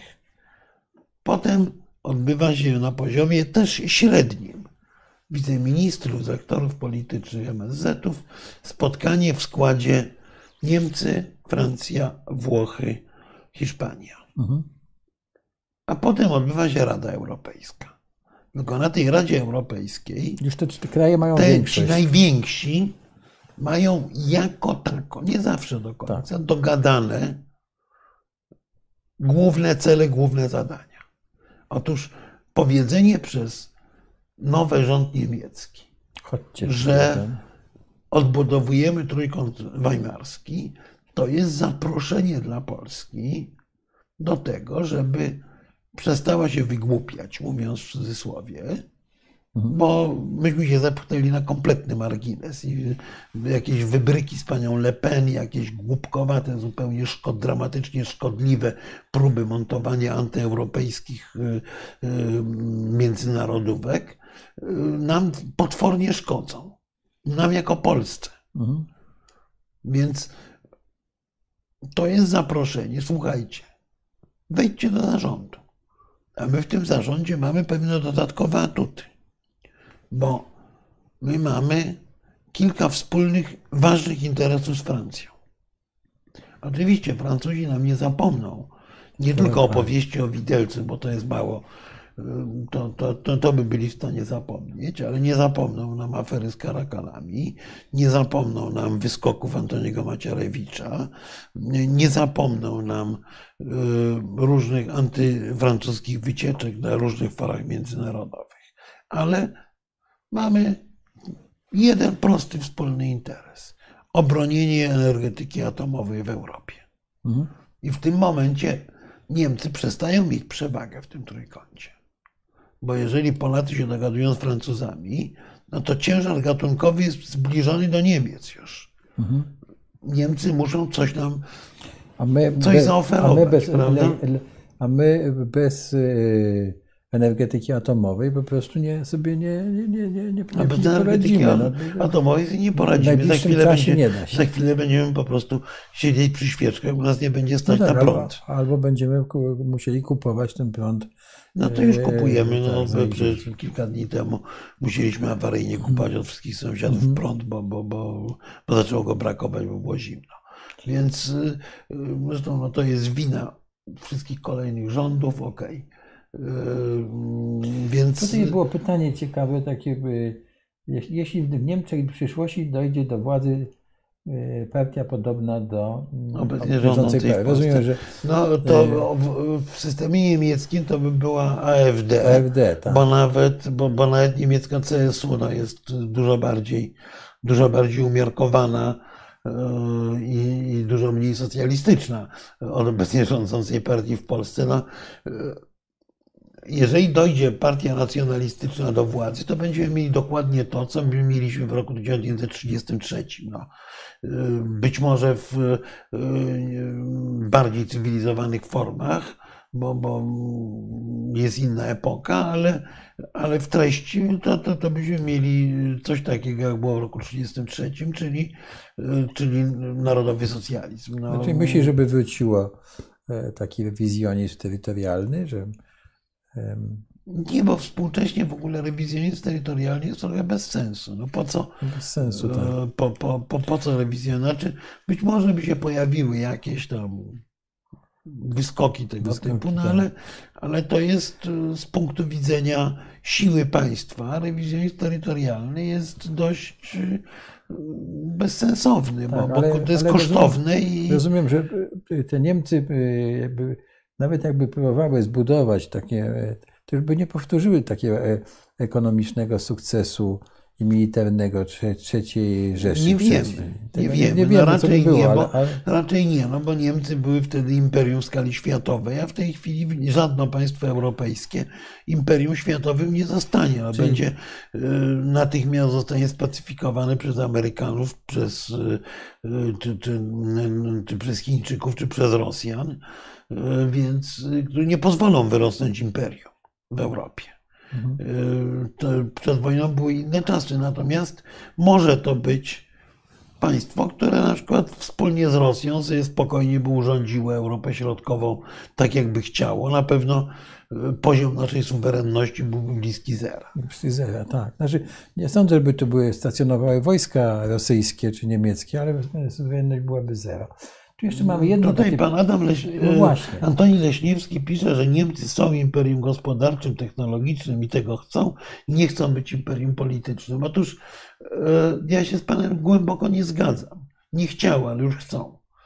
E, Stany Zjednoczone nie tyle je takimi widzą. Stany Zjednoczone chcą, żeby Niemcy były czynnikiem sklejającym Unię Europejską, bo obecna ekipa amerykańska, w odróżnieniu od ekipy Trumpa, postanowiła zagrać na zintegrowanie Europy.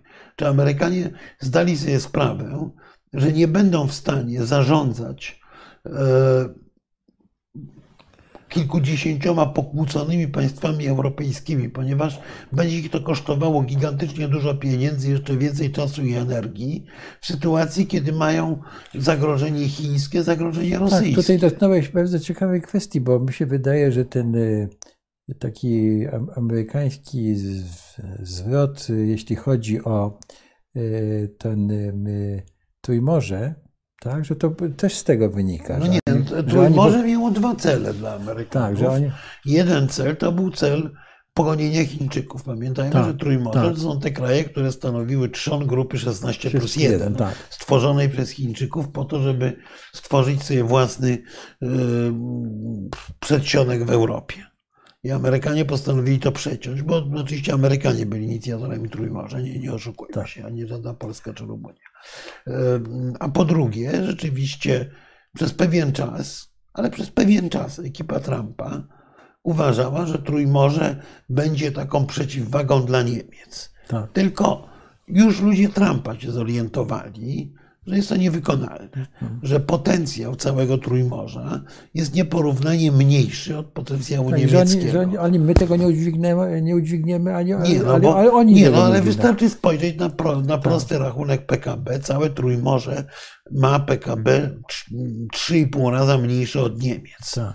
E, więc ludnościowo no. jest e, porównywalne ale, ale, ale, był też taki element w tym koncepcji Trójmorza, żeby trochę rozwodnić tę Unię, e, Unię Europejską. No, znaczy nie, no, zbudować sobie jakieś tu lobby, które, tak, tak. które będzie działało na obrzeżach Unii, które będzie osłabiało tę europejską integrację, no bo generalnie Trump uważał, że Europa jest rywalem. Tak. Tu, jest, tu jest ta jedna różnica. Właśnie. Trump uważał, że Europa jest rywalem i przy okazji sojusznikiem, natomiast Biden uważa, że Europa jest sojusznikiem i przy okazji rywalem. Nie tak. miejmy złudzeń, bo są istotne różnice interesów ekonomicznych i yy, cytując Broniewski, yy, Broniewskiego, tak, obca dłoni też nie przekreśli. Tak, tak. Więc yy, to, to, jest, to, to, to jest zawsze szorstka tak. przyjaźń. Tylko, tylko Amerykanie zrozumieli jedną rzecz,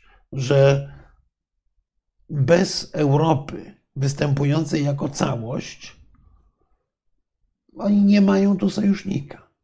Tak, Europa ale... podzielona będzie rozgrywana pieniędzmi chińskimi, y, korupcją rosyjską, bronią rosyjską, interesami w Afryce i tak dalej. I że wtedy, kiedy Ameryka być może będzie potrzebowała rzeczywistego wsparcia w konflikcie z Chinami, to nie, nagle się okaże, że, że nie, nie ma, ma, sojusznika. Nie ma sojusznika. Ja tylko przypomnę panu, w związku z pytaniem pana Antoniego, że jak Niemcy się jednoczyły już, to już była koncepcja amerykańska, była taka, że no to coś nazywało... No to nam Zbig Brzeziński tak, przecież Partnership mówił. in leadership, prawda? Tak, tak że mhm. partnerstwo, partnerstwo w, w tym przywództwie. No Brzeziński już tak, mówił, tak. że bez Niemiec... Zresztą Dobrze. pamiętajmy o jeszcze jednej rzeczy, że jak my rozmawiamy o polityce na przykład wschodniej Europy, to dla nas jedynym z dużych krajów europejskich, który rozumie w ogóle o czym my mówimy, to są Niemcy. Tak. Francuzów interesuje Afryka Zachodnia. To jest ich naturalne pole ale działania. Z tego, co mówisz, to tak byś chciał powiedzieć, no ale to znaczy Niemcy są naszą też szansą.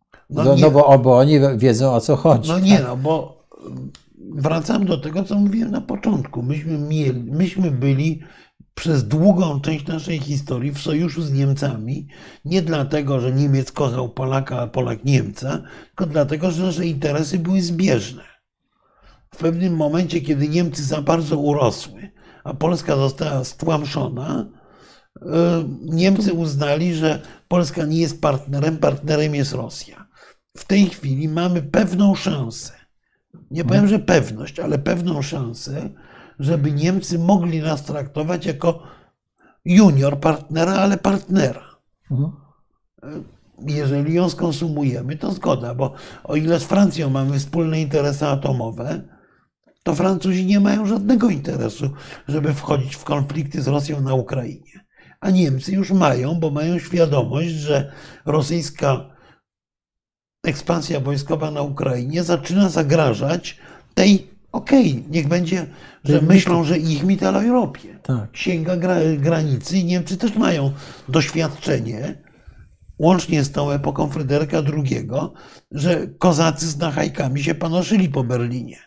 Tak. A to niby jest problem historyków, ale to gdzieś bardzo głęboko w społecznej pamięci i mentalności zostaje.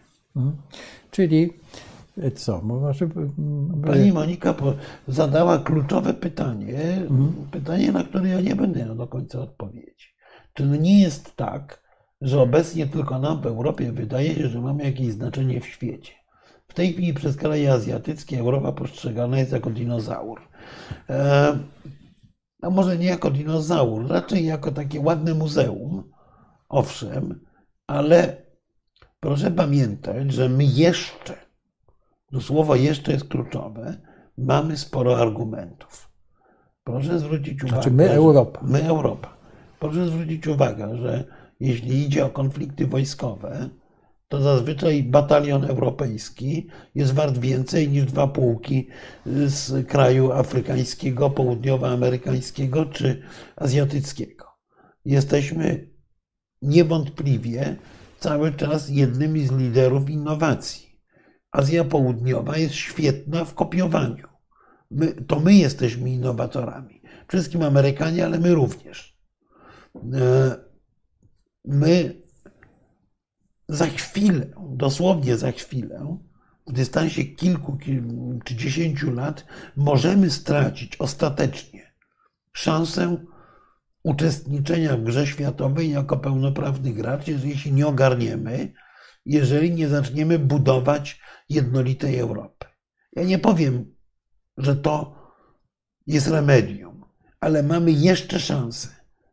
Jeszcze szansę mhm. mamy rzeczywiście to jest ostatni moment, bo za, za chwilę Europa będzie służyła jako miejsce do wycieczek i oglądania, i oglądania zabytków. No tak, ale jeszcze też mamy, i tu znowu nawiązujemy do tych Niemiec, prawda? Jeszcze mamy Siemensa, prawda? Jeszcze mamy AEG, jeszcze mamy Mercedesa. No mamy francuskiego e, Alstoma, i, parę mamy, mamy Airbusa, jednak e, no jest to sukces, Airbus jest takim sukcesem europejskim, co byśmy no tak. nie powiedzieli, prawda? Że, no tak, ale, ale, ale jeszcze, jeszcze, coś mamy. mamy. I, i musimy to... Mamy, mamy naszą europejską wolność i kreatywność. Mamy pomysł pewien. Znaczy mamy nasz styl życia, tak. E, mamy pewien pomysł w postaci nowego Zielonego Ładu, który ma być przewartościowaniem nowoczesnego kapitalizmu. Bo kapitalizm taki, jaki jest w tej chwili, ten model ro, rosnącego z każdym rokiem PKB, rosnącej gigantycznej konsumpcji, to, to się musi zawalić, bo mm, fizycznie Ziemia tego nie wytrzyma. I my mamy pomysł na Nowy Zielony Ład, który nie polega tylko na tym, żeby jeździć samochodem elektrycznym, a może nawet nie przede wszystkim na tym polega. Pomysł na Nowy Zielony Ład to jest pomysł na zmianę, brzydko mówiąc, paradygmatu. Czyli żebyśmy zamiast ilości poszli w jakość. Jesteśmy tak obrzydliwie bogaci w Europie, mo, może, mo, mogą się Państwo zrzymać, ale jesteśmy w tej grupie największych bogaczy, że już możemy myśleć o tym, że nam nie jest potrzebny co dwa lata lodówka Samsunga, tylko możemy sobie kupić na 20 lat lodówkę Miele czy Electroluxa, mhm. powiedzmy szwedzkiego, prawda? Że nie musimy co 3 lata zmieniać japońskiego samochodu, tylko możemy sobie kupić BMW na 20 lat, bo ten postęp już nie będzie aż taki, że będziemy musieli co chwilę zmieniać. Krótko mówiąc, że powinniśmy zacząć myśleć w kategoriach zachowania środowiska dla naszych dzieci, a z drugiej strony na zmianie naszego modelu życia i gospodarki z ilościowej na jakościową. Że ważniejsza jest jakość życia niż ilość przedmiotów, które zdołamy zgromadzić i czym prędzej wyrzucić najczęściej. Bardzo długo już rozmawiamy. No jeszcze jest pytanie, tutaj a komentarz pana. To już bardzo wewnętrzne pana Antoniego. Tak, ale no, ma, no jest problemem polskim, panie Antoni, to, że nasze elity e, są takie, jakie są. No niestety. I, o, i tutaj nie mówimy tylko o, prawda, mówimy o wszystkich elitach. No nie mamy ich, no, no co byśmy nie powiedzieli. No. Znaczy, no, rzeczywiście I, e, obecnie, obecnie rządząca elita jest dramatycznie szkodliwa. Tak. Natomiast y, myślę, że Polacy są mądrymi ludźmi. Tak, Polacy wybiorą tych, którzy będą mieli dla nich naprawdę właśnie nową propozycję, bo stary świat się skończył. Nam się to jako osobom już z siwizną na skroniach może bardzo nie podobać, bo mamy fajne wspomnienia z bardzo młodości. Fajne, tak. Natomiast to senewrati. Tak. Nie, nie wróci świat tak, rządzony i, przez europejskie imperia, nie wróci świat właśnie tej rozpasanej konsumpcji, yy, kupowania co dwa tygodnie now, no, nowych ciuchów, bo to jest absurdalne i to degeneruje środowisko. I nie otworzymy pierwszej Rzeczpospolitej e, z, z, z przełomu XV i XVI wieku. Tak? Przynajmniej na razie nie widać nie takich widać perspektyw. Takich perspektyw. A, i, nie, I nie możemy odbudować wymarzonej przez De Europy ojczyzn, ponieważ żaden kraj europejski nie jest samodzielnie zdolny do rywalizacji z wielkimi mocarstwami. Jeżeli jako Europa mamy dwa wyjścia. Albo stać się nową Afryką, gdzie będą się ścierały interesy wszystkich mocarstw, to będzie powodowało małe wojenki, konflikty. No, oglądacie to Państwo w Afryce znakomicie, czy w Ameryce tak. Południowej w mniejszym stopniu. Tak. Bo będziemy wszyscy, wszyscy łącznie z Niemcami, przedmiotem gry mocarstw.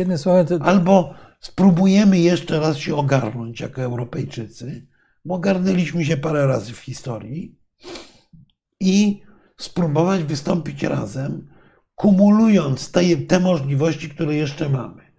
To nie jest pewne, czy nam się to uda. Ale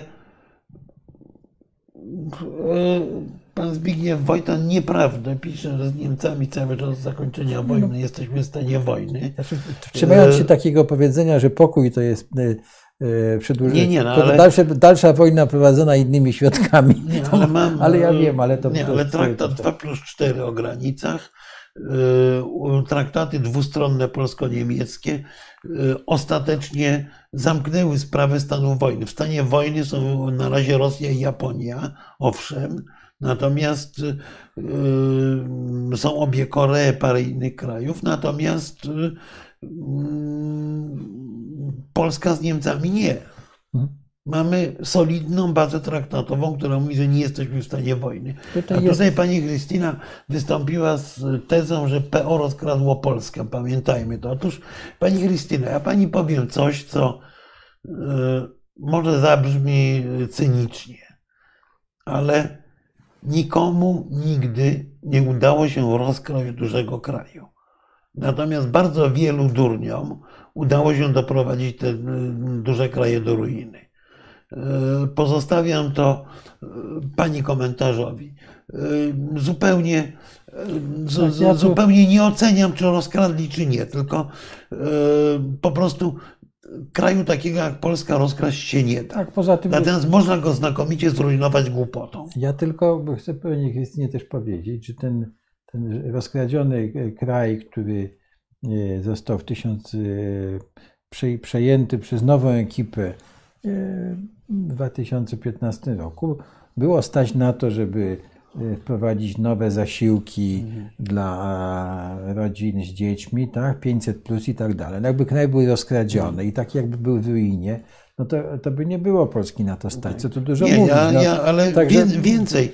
Po, po, po, pomimo wszystkich afer pana Obajtka, e, handlu ziemią we Wrocławiu, Bóg wie czego jeszcze, tysięcy maili e, i, i, i, tysięcy ludzi, którzy się uwłaszczyli na dobrach państwowych zarządów PiSu, ja nie postawię również tezy, że PiS rozkradł Polskę. Tak, Natomiast tak, e, poprzez nie. obsadę wszystkiego, od ministerstw po e, spółki powiatowe przez ludzi niekompetentnych, to, powoduje, że rzeczywiście państwo zaczyna być rujnowane i wszyscy, którzy w tej chwili patrzą na to, oczywiście mogą, tak jak ja zresztą prywatnie zgrzytałem na Jacka, zębami na Jacka Rostowskiego, że jest kutwa i skąpiec, e, mm, ale, ale on zgromadził środki. Tymczasem E, e, obecny rząd wydał wszystko, co ma, zadłużył się, a teraz chodzi i szuka lichwiarza, żeby się zadłużyć jeszcze bardziej, żeby sobie kupić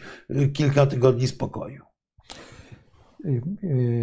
Chyba musimy już kończyć, no bo jest jeszcze komentarz pana Żochowskiego, ale on no, przeciętny Polak dostrzega na Zachodzie głównie ekspansję słabości, padanie na kolana przed tęczą, czarnymi muzułmanami, atak na wolność słowa, korporacjonizm. No, no więc trochę, trochę tych stereotypów oczywiście jest jakoś tam tak. zakorzenionych w rzeczywistości.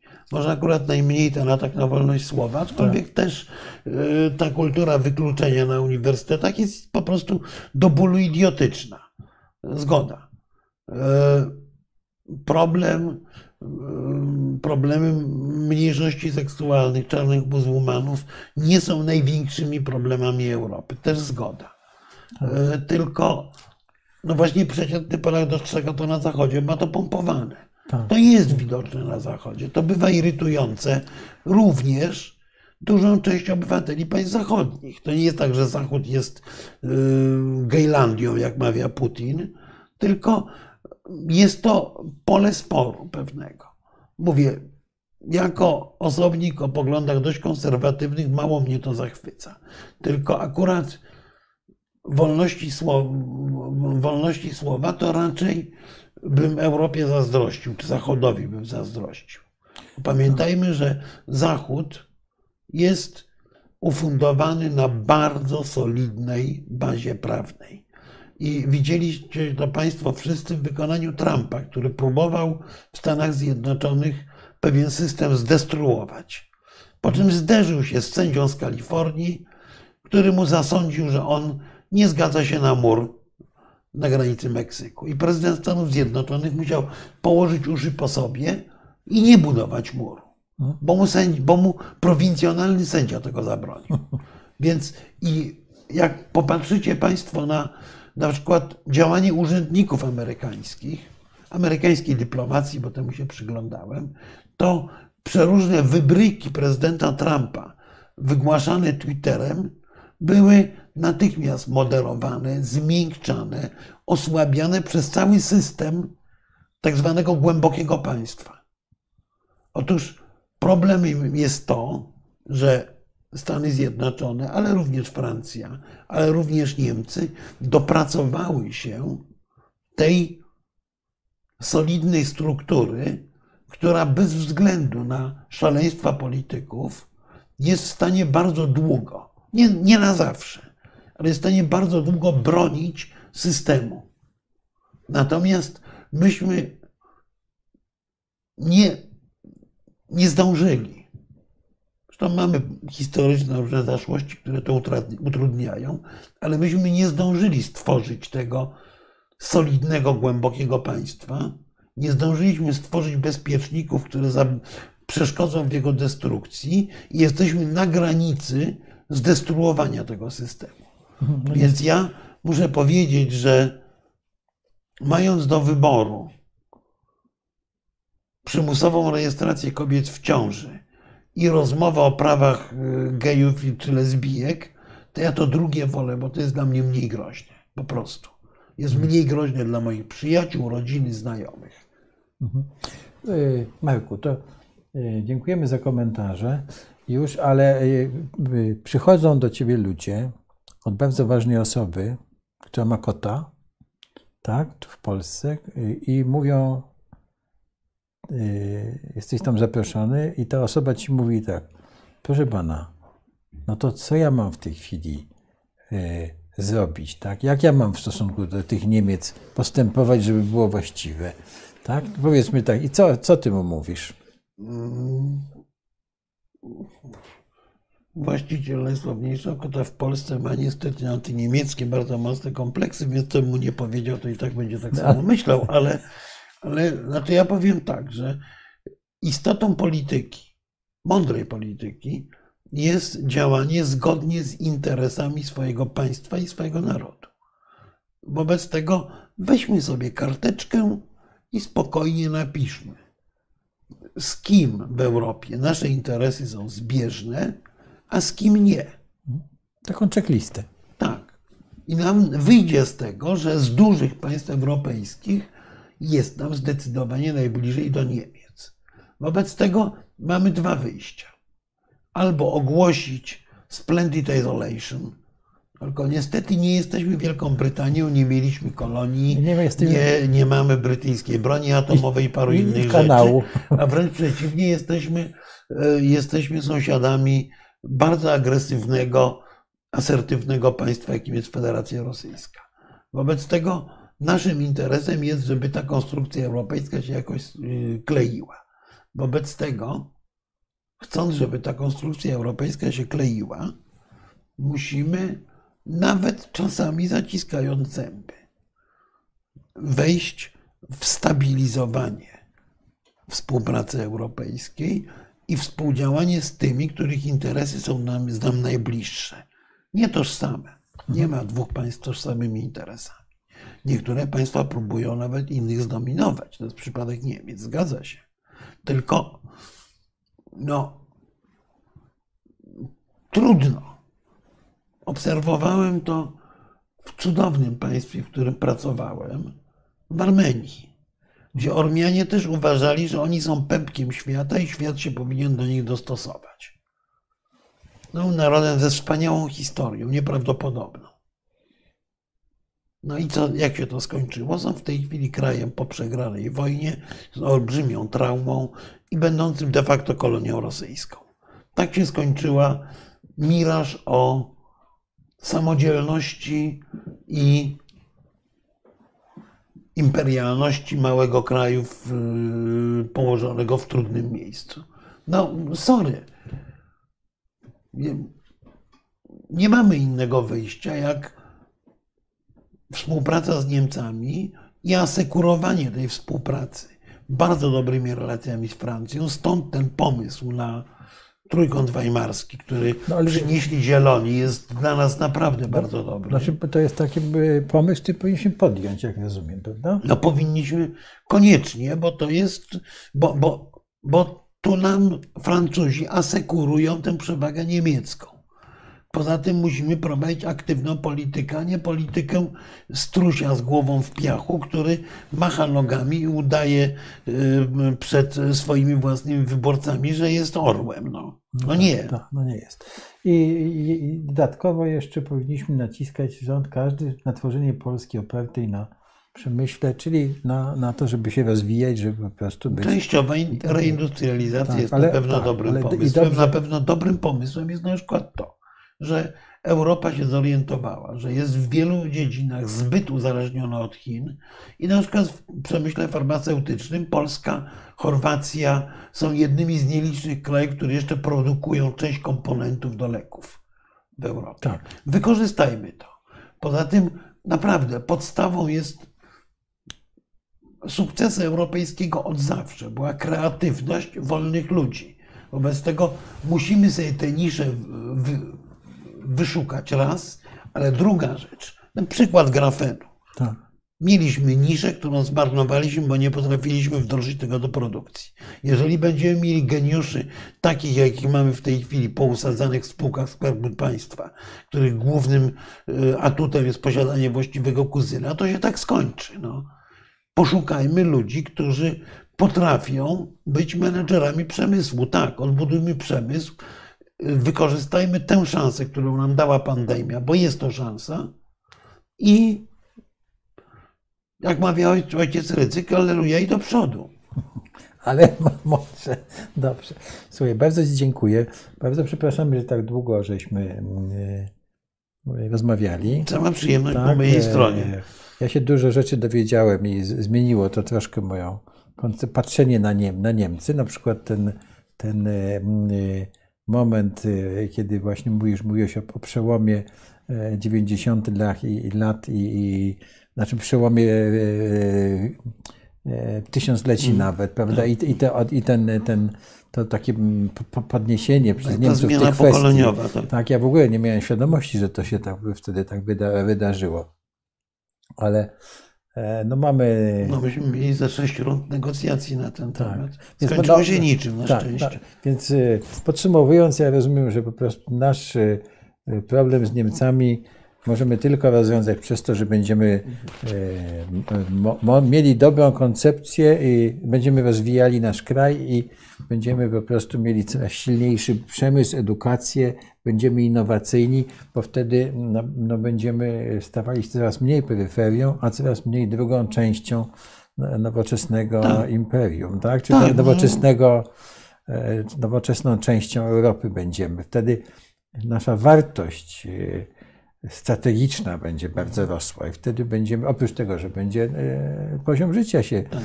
a, a, jest, a jest to wykonalne. Ja pamiętam, jest to wykonalne. Ja pamiętam tak? kiedyś ówczesny premier Irlandii, Bertie Aren, jak się spotykaliśmy, właśnie też koniec lat 90. czy początek 2000 powiedział, że on jest naprawdę bardzo dumny. W tym roku po raz pierwszy odnotowaliśmy, że więcej gastarbeiterów z Anglii przyjechało do nas, niż od nas wyjechało do Anglii. Mhm. Z Niemcami prawie już tak mamy. No właśnie. Także dziękujemy bardzo. Do, dobranoc Państwu i e, jak, jak zawsze e, tę rozmowę prowadziliśmy w imieniu Stowarzyszenia Atlantyckiego i Fundacji Bardzo dziękuję. Wsi. Tak, i wkrótce zawiadomimy Państwa o następnych naszych pomysłach na rozmowę. Z wielką przyjemnością. Dobranoc. Dobranoc.